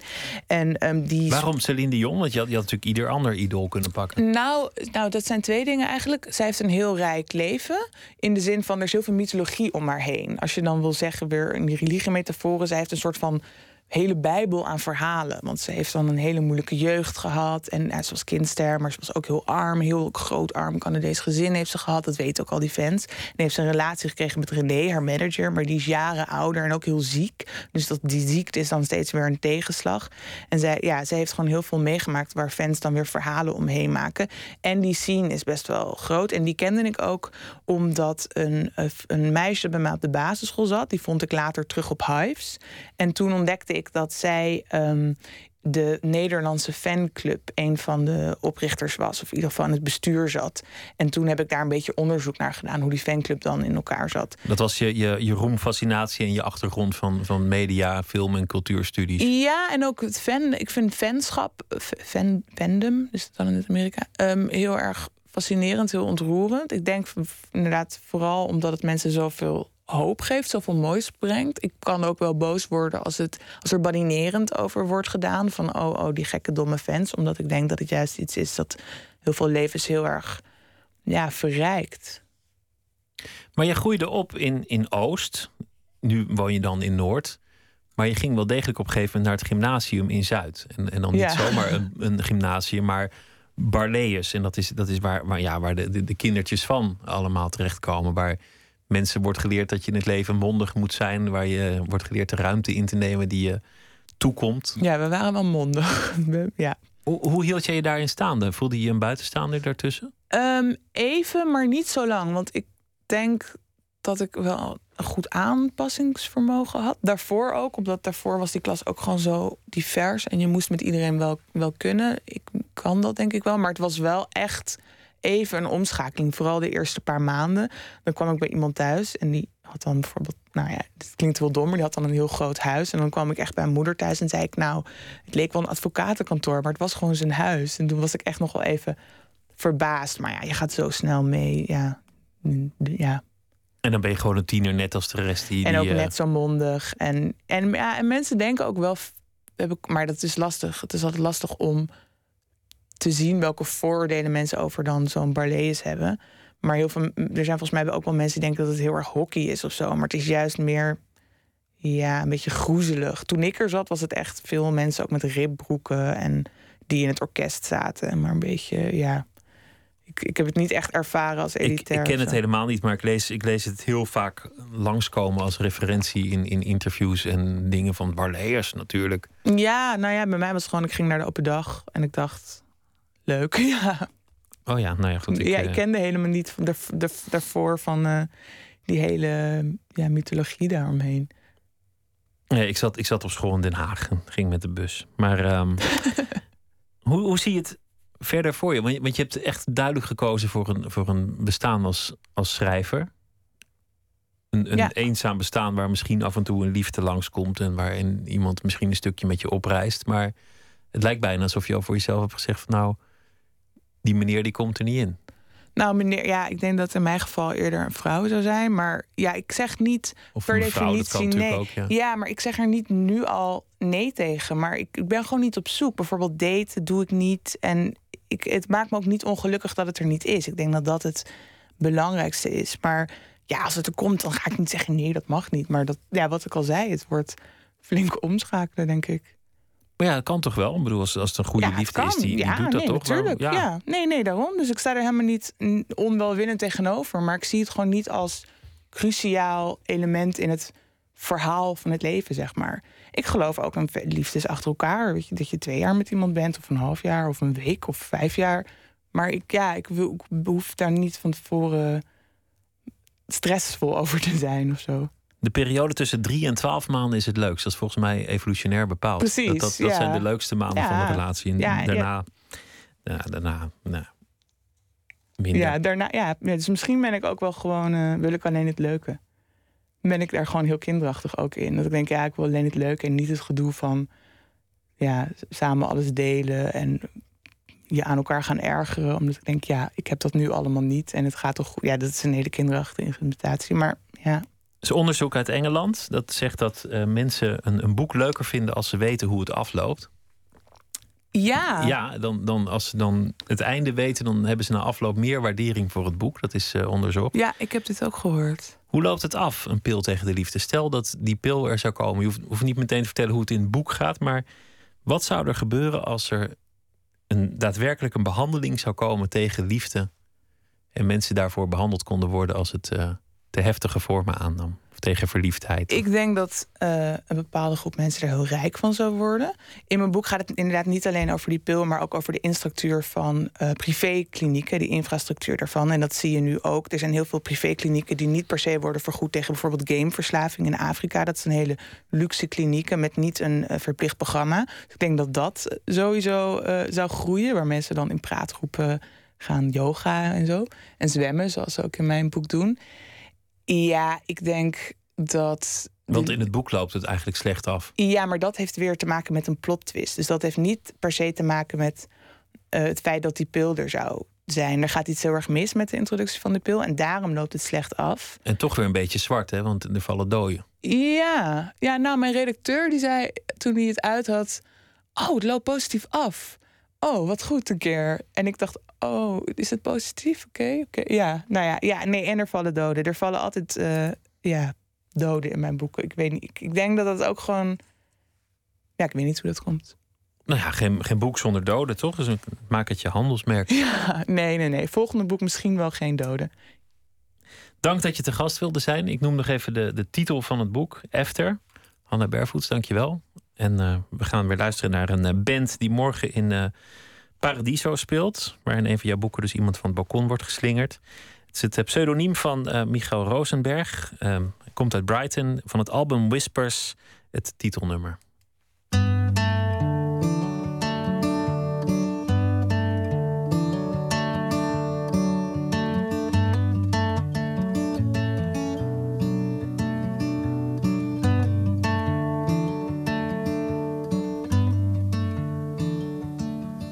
Well, I got open eyes and an open door.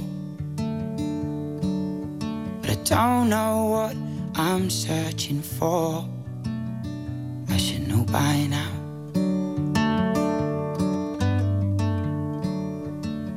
Well, I've a big old heart.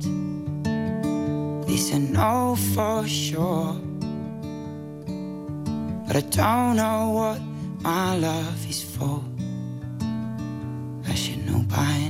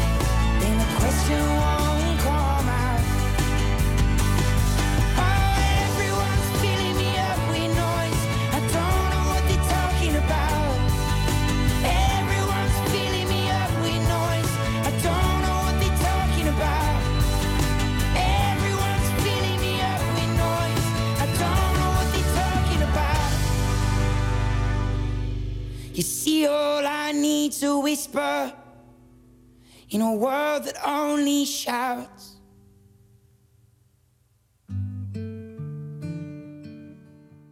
Passenger met het uh, nummer Whispers van hun uh, laatste album. Zometeen in Nooit meer slapen een verhaal van Utjan Akil. Die uh, schrijft deze week elke dag een verhaal voor ons op basis van de afgelopen dag. Twitter, het VPRO NMS of de mail nooitmeerslapen.vpro.nl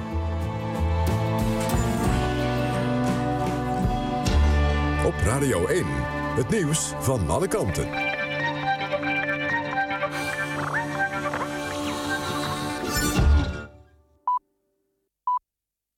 1 uur, Marjan Koekoek met het NOS-journaal.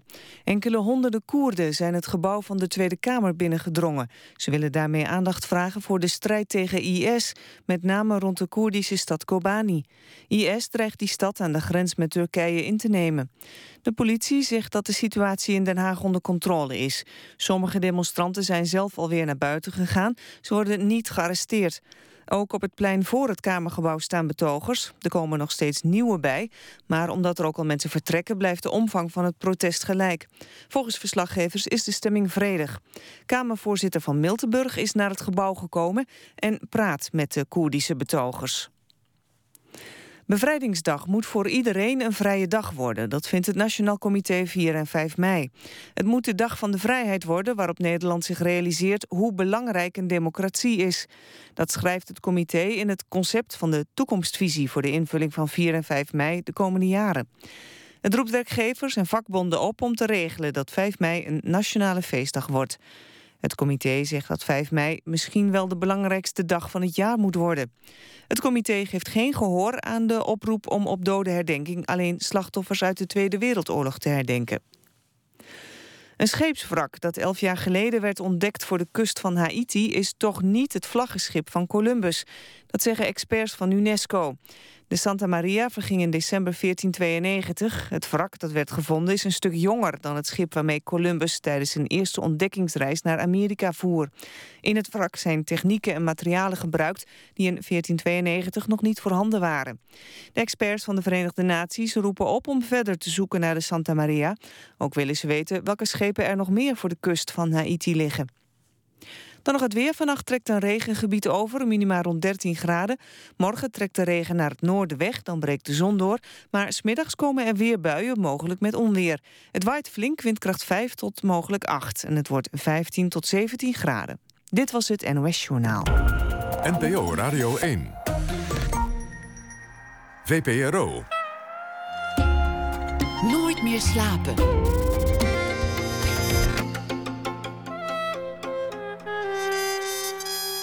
Met Pieter van der Wielen. U luistert naar Nooit meer slapen. Özcan Akil maakte zijn eh, literaire debuut met Eus. Een uh, deels autobiografische schelmenroman over een Turks gastarbeidersgezin en zijn eigen criminele verleden. Werkt nu aan zijn uh, tweede boek. Dat zal begin 2015 verschijnen. Goedenacht, uh, Özcan. Goedenacht, Pieter. Deze week elke dag een verhaal van jou over de afgelopen dag. Ja. Waar gaat het over vandaag? Um, um, ik uh, las dat uh, uh, het niet zo goed gaat met, met, met Disney in Parijs. Ik weet niet of je dat hebt meegekregen. Ja, ik, ik, ik hoorde het net op de radio dat het, ze gaan extra investeren om toch nog de boel te redden, maar de inkomsten lopen dramatisch terug. Ja, extra, extra is wel uh, een eufemisme, want uh, het gaat om een miljard euro. Ja, als je eenmaal de weg van de pret bent ingeslagen, dan moet je toch eventjes doorzetten. En je kan toch ook zo'n park niet afbreken? En waarom niet? Omdat dat zonde van je investering is. Dus dan kan je net zo goed er nog 1 miljardje extra tegenaan smijten... in de hoop dat het nog een mooie doorstart beleeft. Ja, maar ja, als iets niet rendabel is en uh, de afgelopen jaren ook niet rendabel is gebleken, waarom zou je dan nog uh, dat, zoiets in stand willen houden? Ik begrijp dat ze uh, wat nieuwe horeca dingetjes willen doen daar dan. Ze willen het park wat moderniseren. er komt één nieuwe attractie, had ik begrepen. Dus ik, ik snap dat niet zo goed. nou ja, dat komt omdat mensen niet zo snel hun dromen opgeven. En Dat is ook wie waarom- zijn die mensen? Wie zijn die mensen? In dit geval de, de, de uitbaters van het eh, Disneypark. Die, die kunnen niet in één keer hun droom laten spatten. Dat is ook waarom mensen in slechte relaties nog eeuwen aan elkaar blijven klampen. Ja. Of waarom mensen hun baan niet in één keer opzeggen. Of, of nou ja, waarom mensen die nooit een boek verkopen er toch nog 15 uitbrengen voordat ze iets anders gaan doen. Omdat Ja. je, je droom laten spatten is een groot evenement. Nee, nee, nee. Dat is, eh, dat is, eh, dat, voor mij zie je dat verkeerd. Hmm. Nee, nee. Het, het is gewoon puur commercie. Oké, maar commercie kan toch ook een droom zijn, heus? Ehm, ja, oké, maar een eh, dro- Ja, nou goed, ja. Ik, kijk, ik bekijk het misschien wat cynischer dan jij. Maar eh, nee, ik, ik, ik zie het als, een, als, als, als dat je... eh bijvoorbeeld van eh, een dood paard waar je aan het... eh, ja, nee, nee ik, ik geloof er niet zo in, eh, Pieter. Want eh, als iets heeft eh, bewezen dat het eh, eh, niet, niet slaagt... eh, en, en, en geld is niet de oplossing om eh, iets, eh, iets, iets leuker te maken. Ehm, je, je kan heel veel geld pompen in iets, maar als het fundament gewoon niet, niet, niet deugt... dan is geld niet volgens mij de directe oplossing om, om iets beter te maken. Volgens mij zit daar veel meer achter. Daar heb je dus een mooi verhaal over geschreven. Wil je het voordragen? Ik weet niet of het mooi is, maar ik heb wel iets geschreven. Eh, ik moest heel erg denken aan eh, eh, kunstmatig geluk. Ehm, en ook dat kwam dan voort in mijn leven ooit. Tenminste wel vaker in mijn leven. Maar ik, had hier, ik, heb nu, ik moest aan iets heel specifieks denken. En dat was ook kunstmatig geluk dat tot stand moest komen door geld. Alleen, dat was natuurlijk façade, want ja, zoals ik net aanstipte, van geld is niet de oplossing voor alles. Geld maakt eh, heel veel dingen eh, eh, makkelijker. En geld maakt eh, soms ook dingen leuker. Alleen op lange termijn is geld niet de oplossing om, om, om iets ook eh, eh, blijvend succesvol te maken. En echt met, met het idee dat het ook iets is wat, wat, wat diep van binnen komt en wat ook echt de- wat ook, waar het ook echt van de bedoeling is dat het eh, moet slagen of in ieder geval moet zijn zoals eh, beleidsmakers ooit hebben bedacht. Juist, geld kan geen goed idee vervangen. Nee. Je verhaal, alsjeblieft. Mijn verhaal. Ik had maar één taak tijdens de driedaagse tocht. Vlak voor we ons dorpshuis van Steen in Turkije bereikten, terwijl de paarse zon onderging, keek ik nog eens goed in de plastic tas van de HEMA. Volgens mij zaten alle telefoons erin. Ik telde ze voor de zekerheid. Twaalf stuks. Mijn vader had een deel tijdens Koningendag gekocht, twee maanden geleden. De rest was afkomstig van de kringloopwinkel bij ons in de wijk. Ze waren bestemd voor familie, vrienden en alle andere arme mensen in het dorp. Het was een gunst van mijn vader. Toen een witte bus voor ons vakantiehuis stilhield, stapte ik moe, maar voldaan uit de wagen. De plastic tas bungelde aan mijn pols. Mijn vader nam hem over, controleerde de inhoud en knikte goedkeurend. Die avond gingen we vroeg naar bed. De reis had iedereen zagrijnig gemaakt. Morgen begon de vakantie pas echt. Toen ik mijn ogen na acht uur weer opende, wemelde het in ons huis van de mensen. Mijn vader zat op de bank. Voor hem op de tafel stond thee. Slingerwolkjes kringelden uit het Turkse kopje.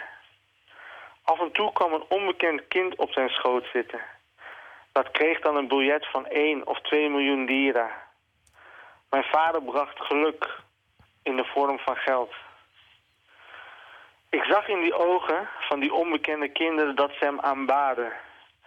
Dat stadium waren mijn broers en ik al lang voorbij. Niet eerder had de lokale bakker, annex groentewinkel, annex slachter, annex snoepwinkel, zoveel lollies verkocht. Om de zoveel dagen kwam er een gezin langs. Die avonden ontaarde stelselmatig in bacchanalen. En vlak voor die visite vertrok, liep mijn vader naar de slaapkamer... om een paar tellen later weer terug te keren met een telefoon... die hij dan, voor onze bezoek, die hij dan aan onze bezoekers schonk. Onze vakanties duurden altijd zes weken. Op de terugreis had ik geen taak. Ik moest gewoon mijn mond houden. En vooral niet zeuren. Toen we na drie, drie dagen weer terug in Nederland waren, op een nevelige ochtend, vroeg ik mijn vader om een gulden, omdat ik iets van de Jamin wilde kopen. Hij lachte me uit en zei dat het geld niet op zijn rug groeide. We hadden een dure vakantie achter zijn rug. Iedereen moest daar rekening mee houden. Ik ook. Het is waar wat je zegt. Dat als iets niet rendabel is, dan, dan kun je er nog zoveel geld in steken. Geld is gewoon niet de oplossing uiteindelijk. Het is eigenlijk is Disney is ook een beetje de, de scheepswerven die wij in de jaren tachtig uh, zo lang in stand hielden om uiteindelijk ook afscheid te moeten nemen. Ja, ja, nou, het, het, het, uh, ik uh, moest dus bij dit verhaal uh, met, met Disney heel erg denken aan uh, onze vakanties zoals ik die beschreven heb. mijn vader die, die was er echt de meester in om iedereen te doen geloven dat wij welvarend waren. Dat wij heel veel geld hadden in Europa. Europa was dan een beetje ja, het paradijs voor alle mensen in Turkije. En iedereen in Turkije geloofde dat in Nederland, of in, ja, in ons geval Nederland, maar in Europa, al, uh, Duitsland en België ook, dat de mensen die daar destijds naartoe waren gegaan, dat die ook echt in absolute rijkdom leefden. Uh, maar dat was natuurlijk niet zo, want uh, mijn vader en zijn vrienden en collega's die ploeterden elke dag in de fabrieken. en het geld dat ze verdienden, dat, dat, dat, dat, spendeerden ze niet in Nederland, maar dat namen ze mee naar Turkije voor die zes weken.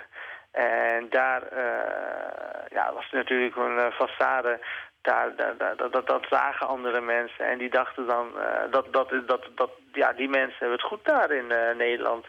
en en, en ze, ze, ze, ja, want ik, ik, ik noem het een gunst net in dit verhaal. Maar het is natuurlijk geen gunst. Het is pure opschepperij. Het is pochen met kijken hoe goed wij het voor elkaar hebben. En wij hebben dan ook wat voor jullie over. En in, in dit verhaal, in mijn geval, uh, in mijn vaders geval, was dat in de vorm van die uh, telefoons.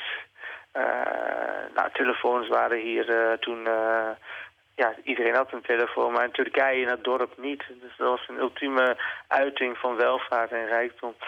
Um, maar ja, wat ik er wel mee zeg is, van je kan dus zoveel geld gaan pompen in, in, in, in, in Disney uh, in Parijs. Maar dat betekent nog niet dat het ook echt leuk gaat worden daar. Dat betekent niet dat, dat het ook echt beter gaat worden. Het, het, het, het, het moet een gevoel zijn. Het moet een gevoel zijn uh, dat mensen krijgen als ze daar komen. En blijkbaar is dat gevoel al lang verdwenen. En dan kun je met een... Uh, kan je met een miljard kan je dat niet, uh, niet nee, oplossen met uiteindelijk? met een financiële injectie kan je dat volgens mij... het gevoel dat mensen hebben bij bij een pretpark. Disney kun je eh, niet, niet opbekken. Lijkt me duidelijk. Eus, dankjewel. Hele ja. goede nacht voor nu. En morgen graag weer een verhaal. Dankjewel. Ja, graag gedaan. Dankjewel en tot morgen. Uit Ierland komt Andrew Hosier Byrne. Hij noemt zichzelf uh, Hosier. In 2013 verscheen van hem het nummer Take Me to Church. En dat werd een hit op het internet. En nu er dan een echt album. We luisteren naar een nummer samen met Karen Cowley in a Week.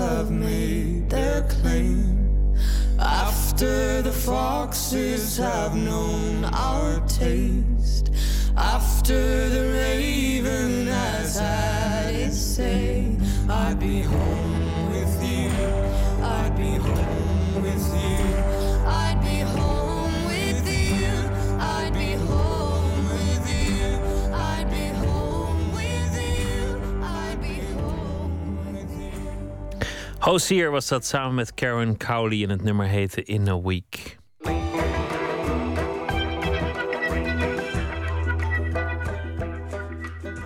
Onschuld is de titel van de nieuwe roman van de Vlaamse schrijver Jeroen Teunissen. Teunissen zou u kunnen kennen van zijn eh, vorige boek De Omwegen. Want het was een van de genomineerden in de tijd voor de Libris Literatuurprijs. De nieuwe roman Onschuld vertelt het verhaal van een oorlogsfotograaf die in Syrië gevangen wordt genomen. Maarten Westerveen sprak de schrijver in zijn woonplaats Antwerpen. Down, down.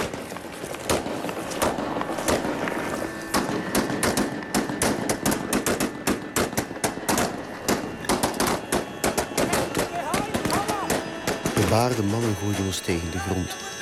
Ik werd geslagen en geschopt als een hond. Overal Allahu Akbar. Een schot ging af naast mijn hoofd. Ik heb er oorsuizingen aan overgehouden. Ik weet zelfs niet meer wie meer in paniek was, ikzelf of mijn ontvoerders. Ze waren met z'n vieren. Ik werd in een auto geduwd.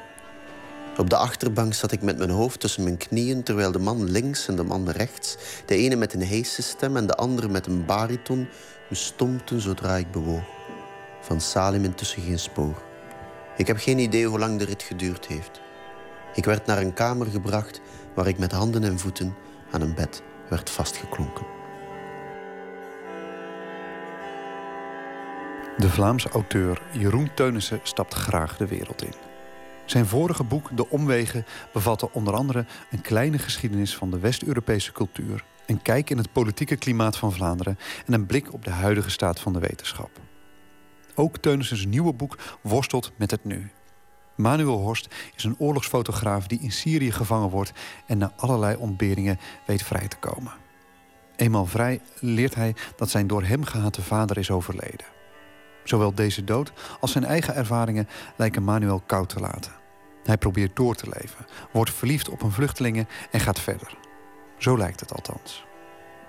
Vanwaar de wens van Teunissen om de actualiteit zo nadrukkelijk in zijn boeken toe te laten.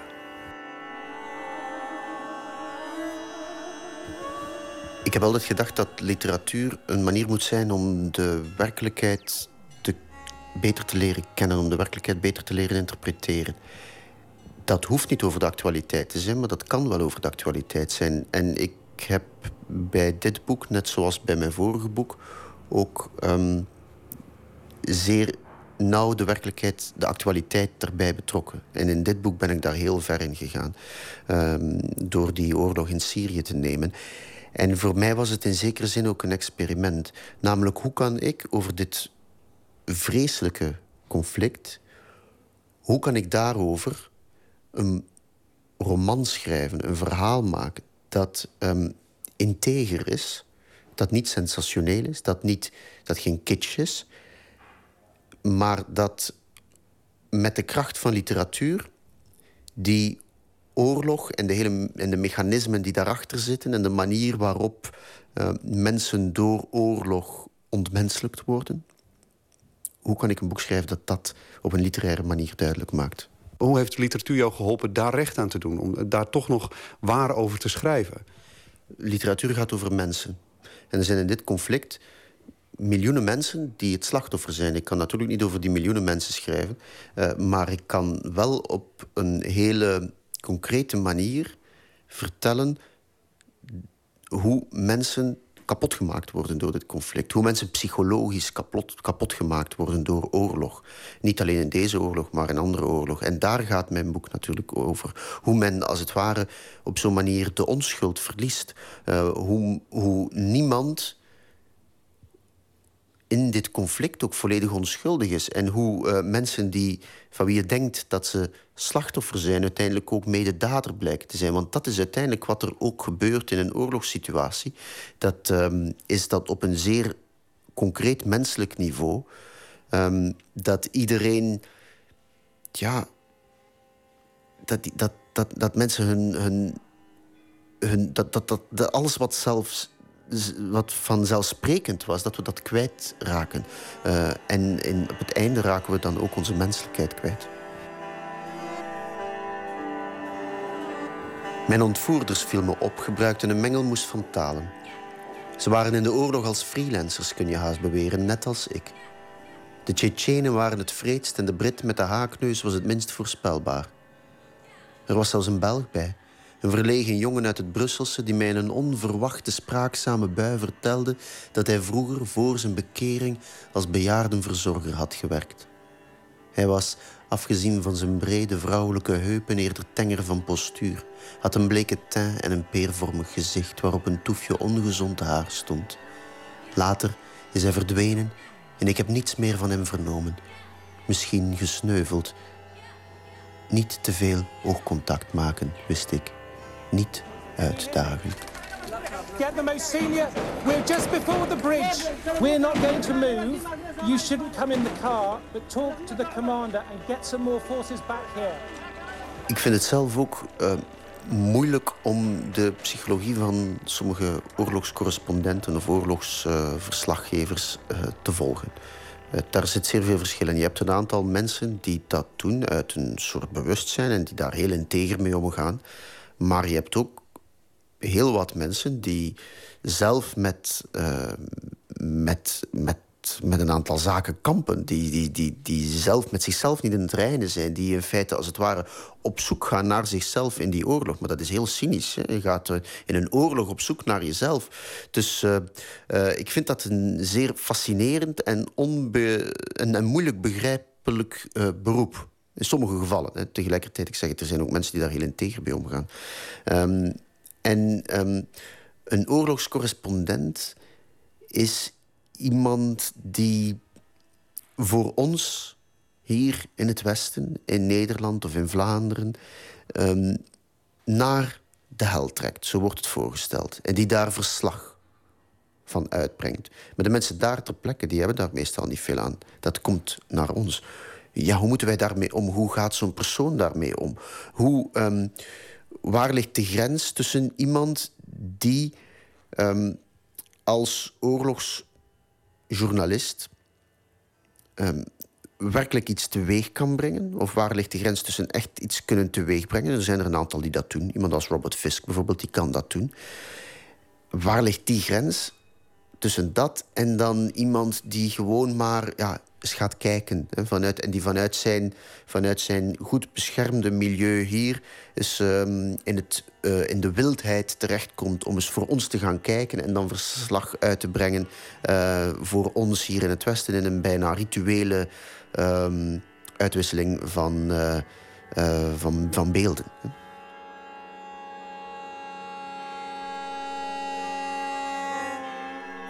Manuel, de fotograaf, die... ehm, die nou, daar, we hadden het er net al over.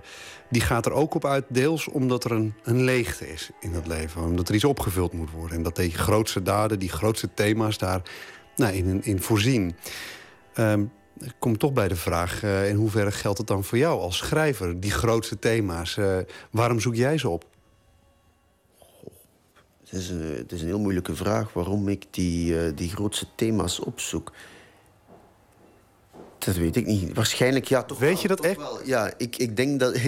ik denk, als ik aan moet antwoorden, dat het is omdat ik ehm, eh, zelf ook maar... Als je het met een soort existentialistische ehm, woordenschat wil, ehm, wil uitdrukken... dat ik zelf maar geworpen ben in het leven. Dat ik zelf maar hier ben en het niet heel goed begrijp. En dat ik dus literatuur gebruik om... eh, om, om om rond te kijken en, en, en, en om, en om te, te vatten wat er, wat er zoal gebeurt. En om het, om het te kunnen plaatsen. En literatuur helpt mij daarbij. Niet alleen wat ik zelf schrijf, maar ook wat ik lees. Ehm, en dat het mij kan helpen om op een, op een vollere, betere manier te kijken. Dus ik denk dat dat waarschijnlijk de reden is. En dat die leegte eh, dan waarschijnlijk een, soort ja, existentiële leegte is die we nu allemaal hebben. Oh, spreek voor jezelf natuurlijk. Hè? Voor, voor hetzelfde geld ben ik dolgelukkig, dat weet je niet. Ja, maar, ja, nee, dat, heeft, dat, is iets anders dan, dan gelukkig of niet gelukkig zijn. Ik ben heel gelukkig, een heel gelukkig man. Ik ben helemaal geen, geen donker man of zo. Eh, dat, is, dat is iets helemaal anders. Eh, nee, eh, want ik, trouwens, ik, ik, ik hou ook niet van literatuur, zoals ik daarnet al gezegd heb, van literatuur die alleen maar donker is of die nihilistisch is. Mijn vorige boek, De Omwegen, was een heel vrolijk boek op zijn manier. Ehm, dus... dus en, ik heb nog werk geschreven dat heel, dat heel humoristisch eh, eh, is of probeert te zijn in alle geval. En dat, dat tegelijkertijd het leven als een soort komedie eh, ziet. Maar om nu over een oorlog te schrijven en er een komedie van te maken... dat is toch wel... Dat kan natuurlijk, hè, maar dan wordt het een heel wrange komedie. Dat zou misschien wel niet de juiste methode geweest zijn. Dankjewel.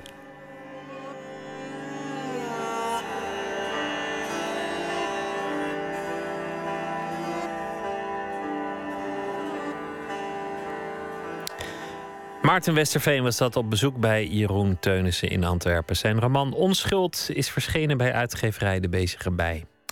Colors and Their Thing heet het debuutalbum van de Utrechtse singer-songwriter Emiel Landman. Een plaat vol met verhalen die hij heeft verzameld op zijn reizen door de Verenigde Staten. Door eh, Nashville, New Orleans, Memphis en Chicago.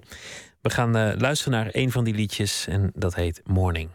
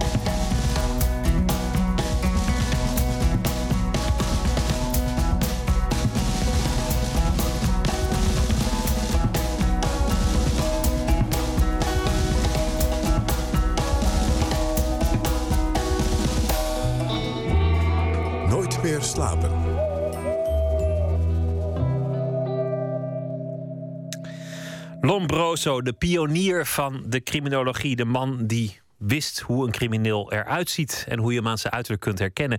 In Turijn is een eh, museum, het Museo Lombroso. En foto's uit dat museum zijn te zien in het Dolhuis in Haarlem.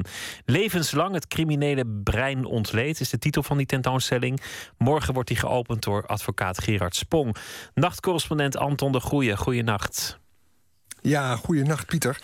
Eh, in het Dolhuis in Haarlem. Prachtig klein museum in een eeuwenoud pand... waarvan het bijzondere is dat het vroeger ook al een psychiatrische inrichting was. Vandaar het Dolhuis met UY. Behandelt dat museum de geschiedenis van de psychiatrie. En ik ben een fan van het museum, ook omdat ze er altijd heel veel aandacht hebben besteed aan audio.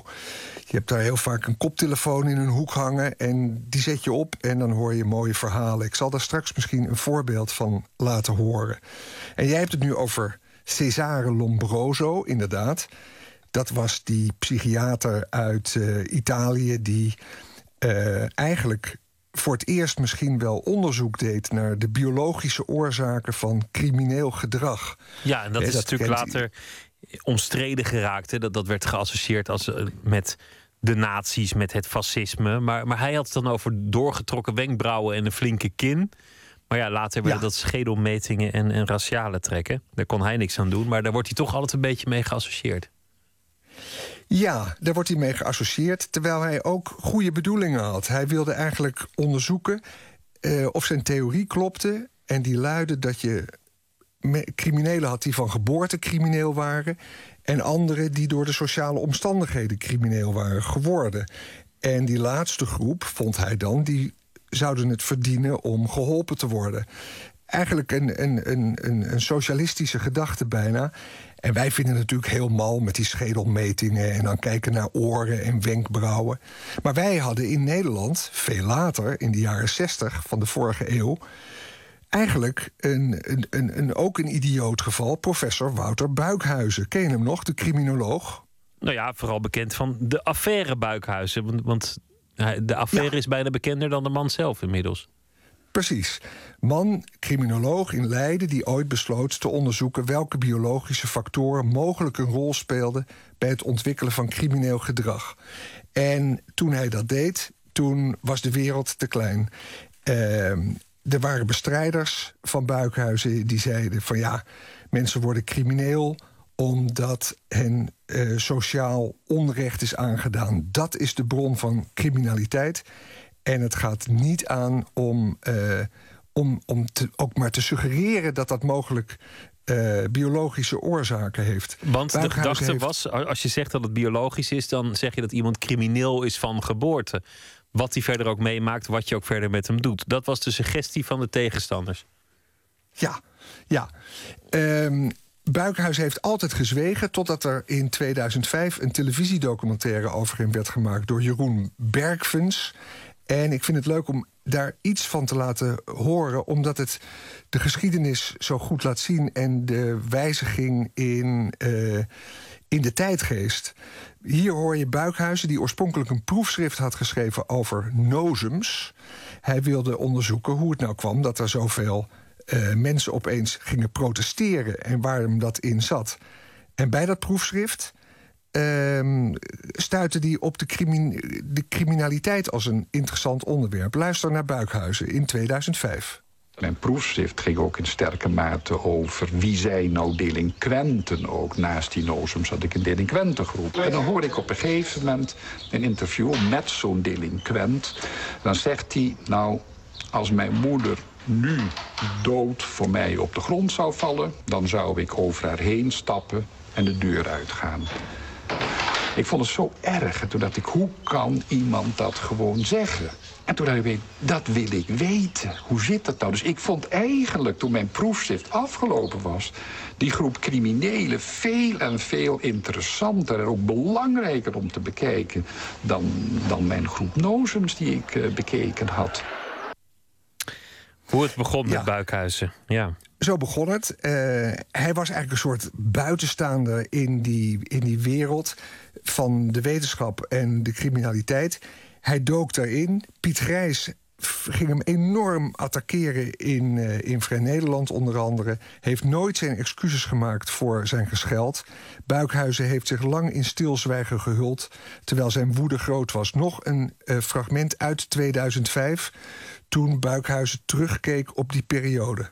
Misschien had ik gewoon op een gegeven moment wel met die vuist op die tafel zijn. Maar het is mijn stijl niet.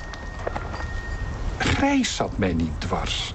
Mij zat dwars dat ik naar de Koninklijke Nederlandse Academie voor Wetenschap ging. Het bestuur. En zei, mensen, ziet u nou wat er gebeurt? Hier is niet zozeer... Hier is de vrijheid van wetenschappelijk onderzoek in het geding. Er worden verboden opgelegd. Er mag opeens niet iets. Dit raakt ons allen als wetenschappers. Nu gaat het om dit onderwerp. Maar de volgende keer bevalt de maatschappij een ander iets niet. En u bent toch de behoeder van de wetenschap. Want, eh, ik verzoek u stelling te nemen, iets te doen. En dan krijg je weer gewoon Nederland zo. En die bestuursleden, ja, dan gaan een beetje achteroverleunen. En denken, nou, dan moet ik nou met deze zaak aan. En wat komt er dan weer? Ze zijn perfecte ambtenaren. We zullen eens gaan kijken of misschien een uh, symposium over de ethiek van het wetenschappelijk onderzoek kunnen houden. Ik denk, nou, ik heb het opgegeven. Symposium is er niet gekomen. En wat je nodig had, is dat vanaf het eerste moment wetenschappers van naam, en die waren er, gewoon gezegd zouden hebben in een open stuk, mensen, dit is van de gekken. Anton de Goede, je zou het toch wel kunnen zeggen, dat, want inmiddels zijn er zoveel wetenschappers die zeggen: ja, wat Buikhuizen toen deed, dat doen nu zoveel mensen. En eigenlijk was het helemaal niet ridicuul en het had al helemaal niks met, met nou ja, noem maar op, alle verwijten van nazisme, et cetera, te maken. Dat eerherstel, eerherstel, dat heeft hij inmiddels toch wel. Hij heeft het inmiddels gekregen. 25 jaar nadat dit speelde, is er door de rechtenfaculteit Leiden excuses aangeboden in 2009. En gezorgd voor enig eerherstel. Inmiddels heeft Dick Swaap zijn bestseller Wij zijn ons brein geschreven en is eigenlijk iedereen unaniem tot de overtuiging gekomen dat de neurowetenschap, het hersenonderzoek, het maken van scans ons heel veel kan vertellen, ook over criminelen. Ik sprak er vanmiddag met Hans Looyer over, hij is directeur van het Dolhuis. Uh, over de consequenties dus van die inzichten die er nu zijn, zei hij het volgende. Ja, ik denk wel dat we mee maken in de nabije toekomst... dat er in rechtszaken wordt gezegd... ja, de, deze persoon is weliswaar een dader... maar op dat moment functioneerde zijn brein op zus en zo'n manier... waardoor uh, hij of zij uh, maar beperkt verantwoordelijk kan worden gehouden voor deze daad. In Nederland is het nog niet voorgekomen, maar in Amerika wordt, al, uh, wordt het al mee gespeeld door verdediging. Aanleg in het brein of in, eh, wat in fMRI's te zien zou zijn. Aan, hè, moet ook een beetje voorzichtig mee zijn met wat je ziet. Het is niet zo dat je gedachten kan zien. Je kan bepaalde gebiedjes in de hersenen op zien lichten. En dat interpreteren we dan eh, als onderzoekers eh, als zijnde... daar zit dit of daar zit dat. Ja, Al dus Hans, Hans Looyer van, van het Dolhuis... Ehm, ik sprak eerder vanavond al even met Gerard Spong, de advocaat die morgen die expositie gaat openen. En die zei te verwachten dat de komende tien jaar absoluut die neurowetenschappen een rol gaan spelen in de rechtspraak. Dat het eigenlijk de hoogste tijd is daarvoor. En dat het natuurlijk een goed ding is om de eenvoudige reden dat er misschien nu ook mensen zitten opgesloten vanwege een lichamelijk defect. En dat past eigenlijk niet in een fatsoenlijke rechtsstaat. Dus die hele manier van daarover denken is totaal anders geworden. Uh, morgen gaat Spong die expositie openen. Of hij erop uh, in zal gaan op deze kwestie, weet ik niet. Wist hij zelf ook nog niet. Terug naar het dolhuis. Uh, ik zei dat ze zoveel met audio doen en met verhalen op koptelefoons. Je moet je voorstellen, op die expositie morgen... er zijn kamers nagebouwd waar TBS'ers in wonen. Althans, dat, dat lijkt. Hebben ze zo gedaan. En als je daar dan op een bedje gaat liggen... dan kan je naar het plafond kijken... je hoofd op een kussen leggen... en in zo'n kussen zit dan een uh, luidsprekertje... En dan hoor je bijvoorbeeld het verhaal, het relaas van een TBS'er. In dit geval, want we kunnen er eentje laten horen, ongeveer anderhalve minuut... het verhaal van de TBS'er Rosa. Luister mee. Toen heb ik mijn slachtoffer leren kennen. Hij was mijn psychotherapeut. We hadden meteen een klik. Ik dacht dat hij alles wist, dat hij me beter ging maken. Ik dacht echt dat hij me kon redden. Op een gegeven moment zat ik de hele dag te mailen en te bellen... Soms zaten we wel anderhalf uur aan de telefoon. Iedereen om me heen vond het ongezonde vormen aannemen. Maar ik voelde me bijzonder bij hem. Ik ben verhuisd om dichter bij mijn therapeut te kunnen zijn. Ik wilde in zijn buurt zijn, waar ik veilig zou zijn. Dat was een fijn idee. Dit is de privé, zei hij toen hij me tegenkwam. Maar ik zei, maar, maar, maar we mailen de hele dag. Hij moest sowieso gaan stoppen met mij vanwege een of andere regioverandering. We moesten telefonisch afscheid nemen. Dat gaan we meemaken, dacht ik. Iedereen heeft me verlaten en nu jij ook. Ik heb hem een fles champagne gestuurd op zijn werk als afscheidscadeau. Ik dacht, dat is je laatste drankje ooit. Ik ging gekleed in een nachtjapon en met hakken aan, met drie messen op pad. Ik ben met zo'n mes op hem afgevlogen en ik heb geroepen: Ik maak je dood. Hij heeft zich afgedraaid. Er was een scheur in zijn jas en er was een stipje bloed. Ik heb mijn geweten wel kunnen uitzetten, denk ik. Ja. Het ging niet zo bewust. Ik voelde het niet toen. Nu is dat anders. Ik ken wel 300 vormen van schuld. Al die personen in mij hebben allemaal hun eigen geweten. Ik kan mezelf opdelen in meerdere stukken. En hoef ik ook niet voortdurend die schaamte te voelen. Dat dus uh, en veel meer in het uh, Dolhuis in Haarlem. Levenslang het criminele brein ontleed. Over de geschiedenis van het denken over uh, de hersens van criminelen. Anton de Goede, dankjewel. Tot je dienst.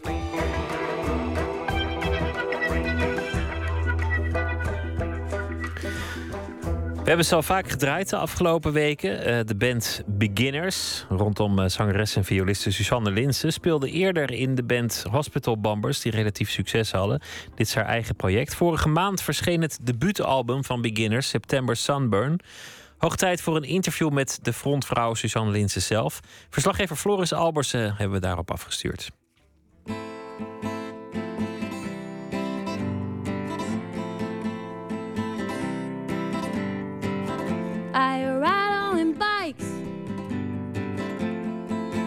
My street. Are people talking in my street? Did I close my window? Well, I can't see. Did I close my window? I need to sleep. Ja, dat is uh, I Need to Sleep. Een van mijn eerste liedjes die ik schreef. En uh, we zitten nu uh, bij het raam waar het eigenlijk over gaat. In de, de kamer waar ik ook slaap. En, um, waar je woont en waar een hele oude televisie staat. midden in Amsterdam, in de Kerkstraat. Ja. Klopt, ja. ja. En het is, een, het is een straat die op zich heel rustig is. Maar vooral s'nachts, dan komen er best wel veel dronken mensen langs op een fiets. En dan hoor je allemaal geluiden. En omdat het een vrij smalle straat is en de gebouw een beetje hoog, wordt het allemaal heel erg versterkt. Dus het is net alsof soms dan bij een bed liggen of zo. Dus dat, ja, je hebt wel eens als je gewoon niet kan slapen, meestal is daar wel een aanleiding voor of zo. Maar dan, dan ga je aan alle geluidjes erger. Aan het uh, gezoem van de koelkast, wat je eerder nooit gehoord had. Of um, ja, vrij dit op de klok kijken en zo. Nou, dus het is een soort heel gefokt liedje. Ehm, wat eigenlijk de woede een beetje je spiegelt die, die je hebt als je niet kan slapen. Heb je daar vaak last van dat je wakker ligt en, en, en niet kunt slapen? Um, nou, met periodes, ja. ja. Dus je een beetje zorgen maakt over dingen of zo. Of je hebt heel veel in je kop. Dan, uh, ja, dan, dan kan dat wel gebeuren, ja. Wat zijn dingen waar jij zorgen over maakt? Waar, waar lag je de laatste keer van wakker? Um, over mijn platencontract. ik uh, ben eh, wat dat betreft, ik ben nu mijn eigen band begonnen. En um, um, je, moet, ja, je moet gewoon heel Ik trek nu zelf de kar. Dus, uh, ja, want eerder was je onderdeel van andere bands. Uh, ook redelijk succesvol. Je trad ook al op, op Lowlands bijvoorbeeld. Maar nu, nu moet, doe je het zelf? Ja ik, ja, ik doe het allemaal zelf. En daar komt ook bij kijken dat je moet onderhandelen over dingen. En, en uh, ja, uh, mensen soms moeten teleurstellen. Of, uh, dat, dat, is, dat vind ik best pittig. Ik heb heel veel geleerd de afgelopen maanden. Maar ja, het gaat ook goed. Dus ik ben heel tevreden hoor. Maar, maar dat was waar ik het laatst van wakker lag. Ja. Het, het, het gaat hartstikke goed uh, met jullie. Je wordt veel gedraaid op 3FM, uh, uh, op Radio 1, ook in ons programma natuurlijk. Um, ja, gefeliciteerd wat dat betreft. Dankjewel. ja, het is fijn dat het echt begonnen is. Of zo. Dat, dat geeft me wel een soort rust. Ik denk dat iedereen die iets maakt wel hoopt dat, je, dat het niet verschijnt en dat er helemaal geen reactie op komt. Dat, en dat is niet gebeurd. Dus daar ben ik heel blij mee. En ook uh, festivals, uh, of in ieder geval één festival, Into the Great Wild Open op Vlieland gespeeld. Hoe was dat? Ja, heel erg leuk. Ja, ja het was een beetje een soort droomplek wel voor deze plaat. Ik bedoel, de plaat heet September Sunburn. En het gaat heel erg ook over dat gevoel wat je... Wat ik vaak op dat festival heb. Ik ben er vaak geweest. En, en dat het nog heel lekker weer is. En dat ja, het soort afscheid van de zomer. En iedereen is soort van heel erg ervan aan het genieten. Maar je, weet ook van, oh ja, volgende week zit ik weer. Uh, zit weer een beetje naar weer. Want op een of andere manier is het in Vlieland altijd mooi weer. en dan uh, daarna uh, begint de herfst weer. Ja. Het is een beetje zo'n melancholisch gevoel. Maar ook wel dat je heel erg van dingen wil proberen te genieten. Zolang je weet dat het duurt dat is ook wel een beetje een soort weerspiegelt wel de hele plaat of zo. Dat ik bedoel, het is ook een beetje symbool voor hoe het in de liefde kan gaan en nou ja, zo. En je zegt het is het gevoel van je, je moet nu nog even genieten zolang het nog kan. Dat is daar, daar, daar gaat de plaat over. Ja, het gaat over dat je weet dat je ergens afscheid van moet nemen. Um, maar dat je dat heel moeilijk vindt of zo. En dat het. Uh, ja, dat je weet dat iets voorbij gaat, maar dat, het, dat je daardoor nog probeert vast te klampen aan wat wel fijn is of zo. Ja. Is dat op iets speciaals geïnspireerd, op een gebeurtenis in jouw leven? Of? Ja, nou, ja wel eh, op de liefde. Ja. Ja, nee, het, eh, ik denk ook wel... Op een gegeven ik, twee jaar geleden of zo, toen... ehm, was er in één week... eh, ging mijn relatie uit en ik hoorde dat mijn baan opgeheven zou worden. En ehm, de band waar ik in speelde raakte even een beetje... Er was veel gerommel, zeg maar. Ehm, toen was echt zo opeens zo mijn hele leven zo flap van wow, wat nu? En toen heb ik echt gedacht van eh, oké, nou nu ga ik gewoon voet op het gaspedaal en echt mijn eigen liedjes opnemen en ga er gewoon maar voor nu. Dus daar heb ik heel hard aan gewerkt. Het was een beetje een soort ehm, ja, afleidingsmanoeuvre voor liefdesverdriet. Zo, is het ook, zo ben ik überhaupt ook begonnen met liedjes schrijven. Nee, de eerste keer, de eerste optreden was in de nieuwe Anita. Toen was ik daar wat biertjes aan drinken. En toen zei de eigenaar: Ja, ik moet over zeven weken iemand hebben die hier komt spelen. Weet jij nog iemand? En toen zei ik. "Ehm, ik eh, kom wel spelen. Toen had ik nog nul liedjes. maar toen had ik op dat moment ook net liefdesverdriet. Klinkt alsof ik altijd liefdesverdriet is niet zo. Maar ehm, toen dacht ik van, hé, hey, dat is wel goed. Want dan ga ik er niet in hangen, maar dan doe ik er iets mee. En dan zet ik het om in iets goeds.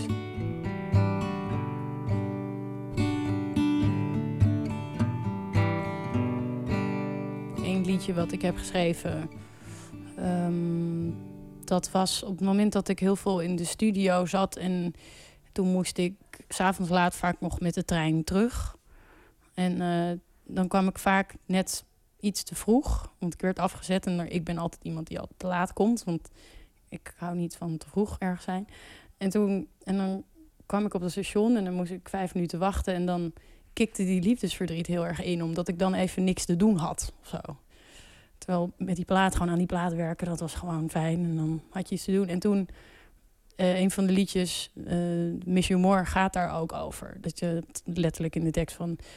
ehm, dit zijn de momenten waarop ik je het meest mis. Als ik eh, op de trein sta te wachten en vijf minuten te vroeg ben. Of dat de rij bij de supermarkt sta. En dat de mevrouw vraagt van wil je een tasje? En dat je niet eens kan bedenken of je een tasje wil of zo. Weet je, dat het wezenloos voelt. En eh, ja, dat, eh, dat het erin hakt of zo. Ja.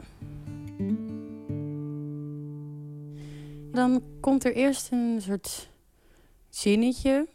En met een bepaald metrum, een soort ritme. En eh, dat bouwt zich dan uit. En dan heb je een basiszin die lekker klinkt. En dan ga je proberen om dat als thema aan te houden of zo. En op een gegeven moment dacht ik van... oh, dit is wel een goede vorm. En dan ga je het invullen. De, de, de, met andere situaties die hetzelfde voelen. En omdat op dat moment je zintuigen heel erg openstaan... heb- ben je misschien minder geneigd om te denken... nou, eh, dit is wel heel eh, melodramatisch. En dan, ga je, dan neem je dat serieuzer of zo. En dan, ehm, nou, dan ga je daarmee aan de slag. Het ge- gebeurt vaak ook dat ik nog in bed lig... en dat ik dan iets in mijn hoofd heb... en dan ga ik het heel zachtjes in mijn telefoon inzingen of spelen. Of... Er zijn soms echt sessies dat ik dan terugkijk... en dat er ongeveer 30 opnames. Zo dat is gewoon de hele nacht. Het begint dan om 12 uur en dan om half vijf nog een idee. Dat is zo'n soort totaal slapeloze nacht. Maar dat je wel denkt van, dit is een goed idee en ik moet het wel nu... Het is net alsof er een soort knop is ingedrukt van inspiratie dan of zo. En dan moet je dat allemaal vastleggen. Want ja, ehm, dan ben je bang dat je het volgende dag kwijt bent.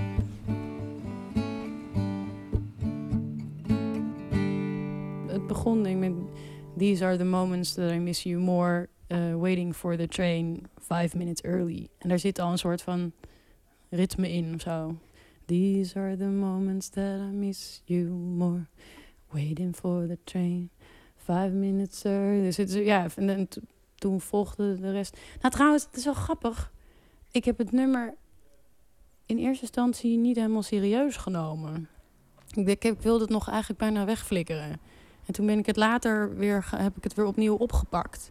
Toen dacht ik, nou, het is toch wel goed. En toen, eh, ja, toen dacht ik later van, ah, waar- waarom heb ik dat eigenlijk? Waarom twijfelde ik daaraan? Zo. Maar ja, maar goed. Maar dat, dat was de eerste zin, ja. Dat was de eerste zin en daar heb je een eh, lied van geschreven. Ja. Wil je, wil je hem zingen? Ja, dat is goed. Met eh, op de achtergrond de dronken fietsers. Wacht hoor.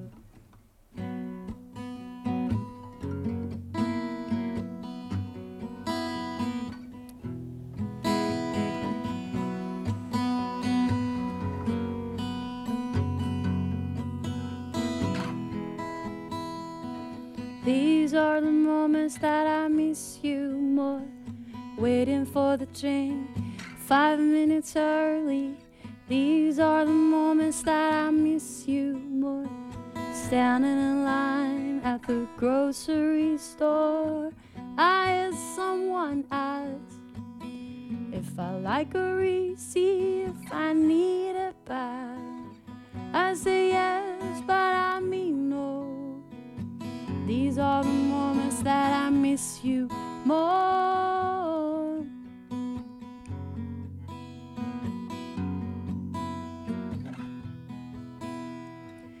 I take off my wristwatch. I put it back on, facing my skin. It should help me remember to forget the state that I'm in.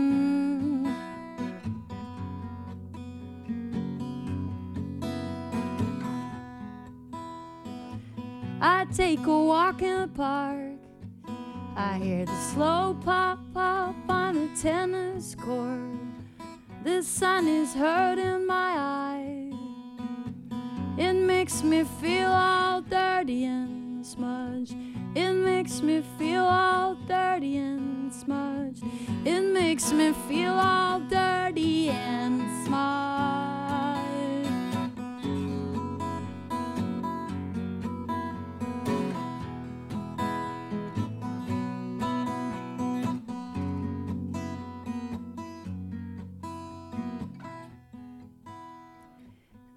These are the moments that I miss you more.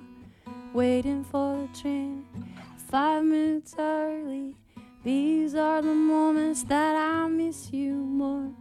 Standing in line at the grocery store, I hear someone ask if I like a receipt, if I need it back. I say yes, but I mean no.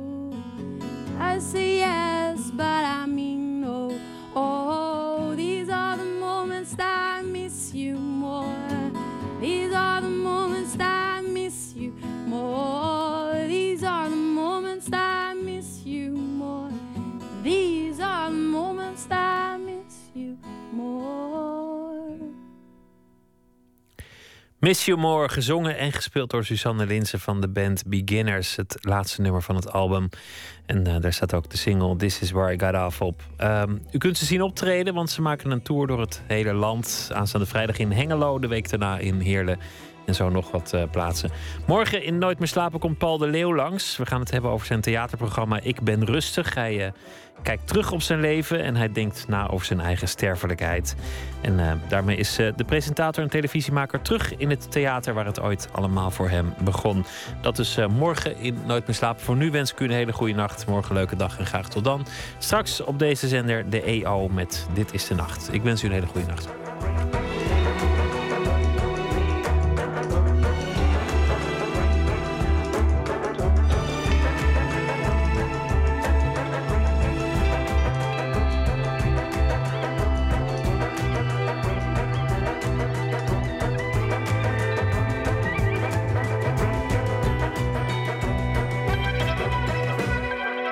Radio 1, het nieuws van alle kanten.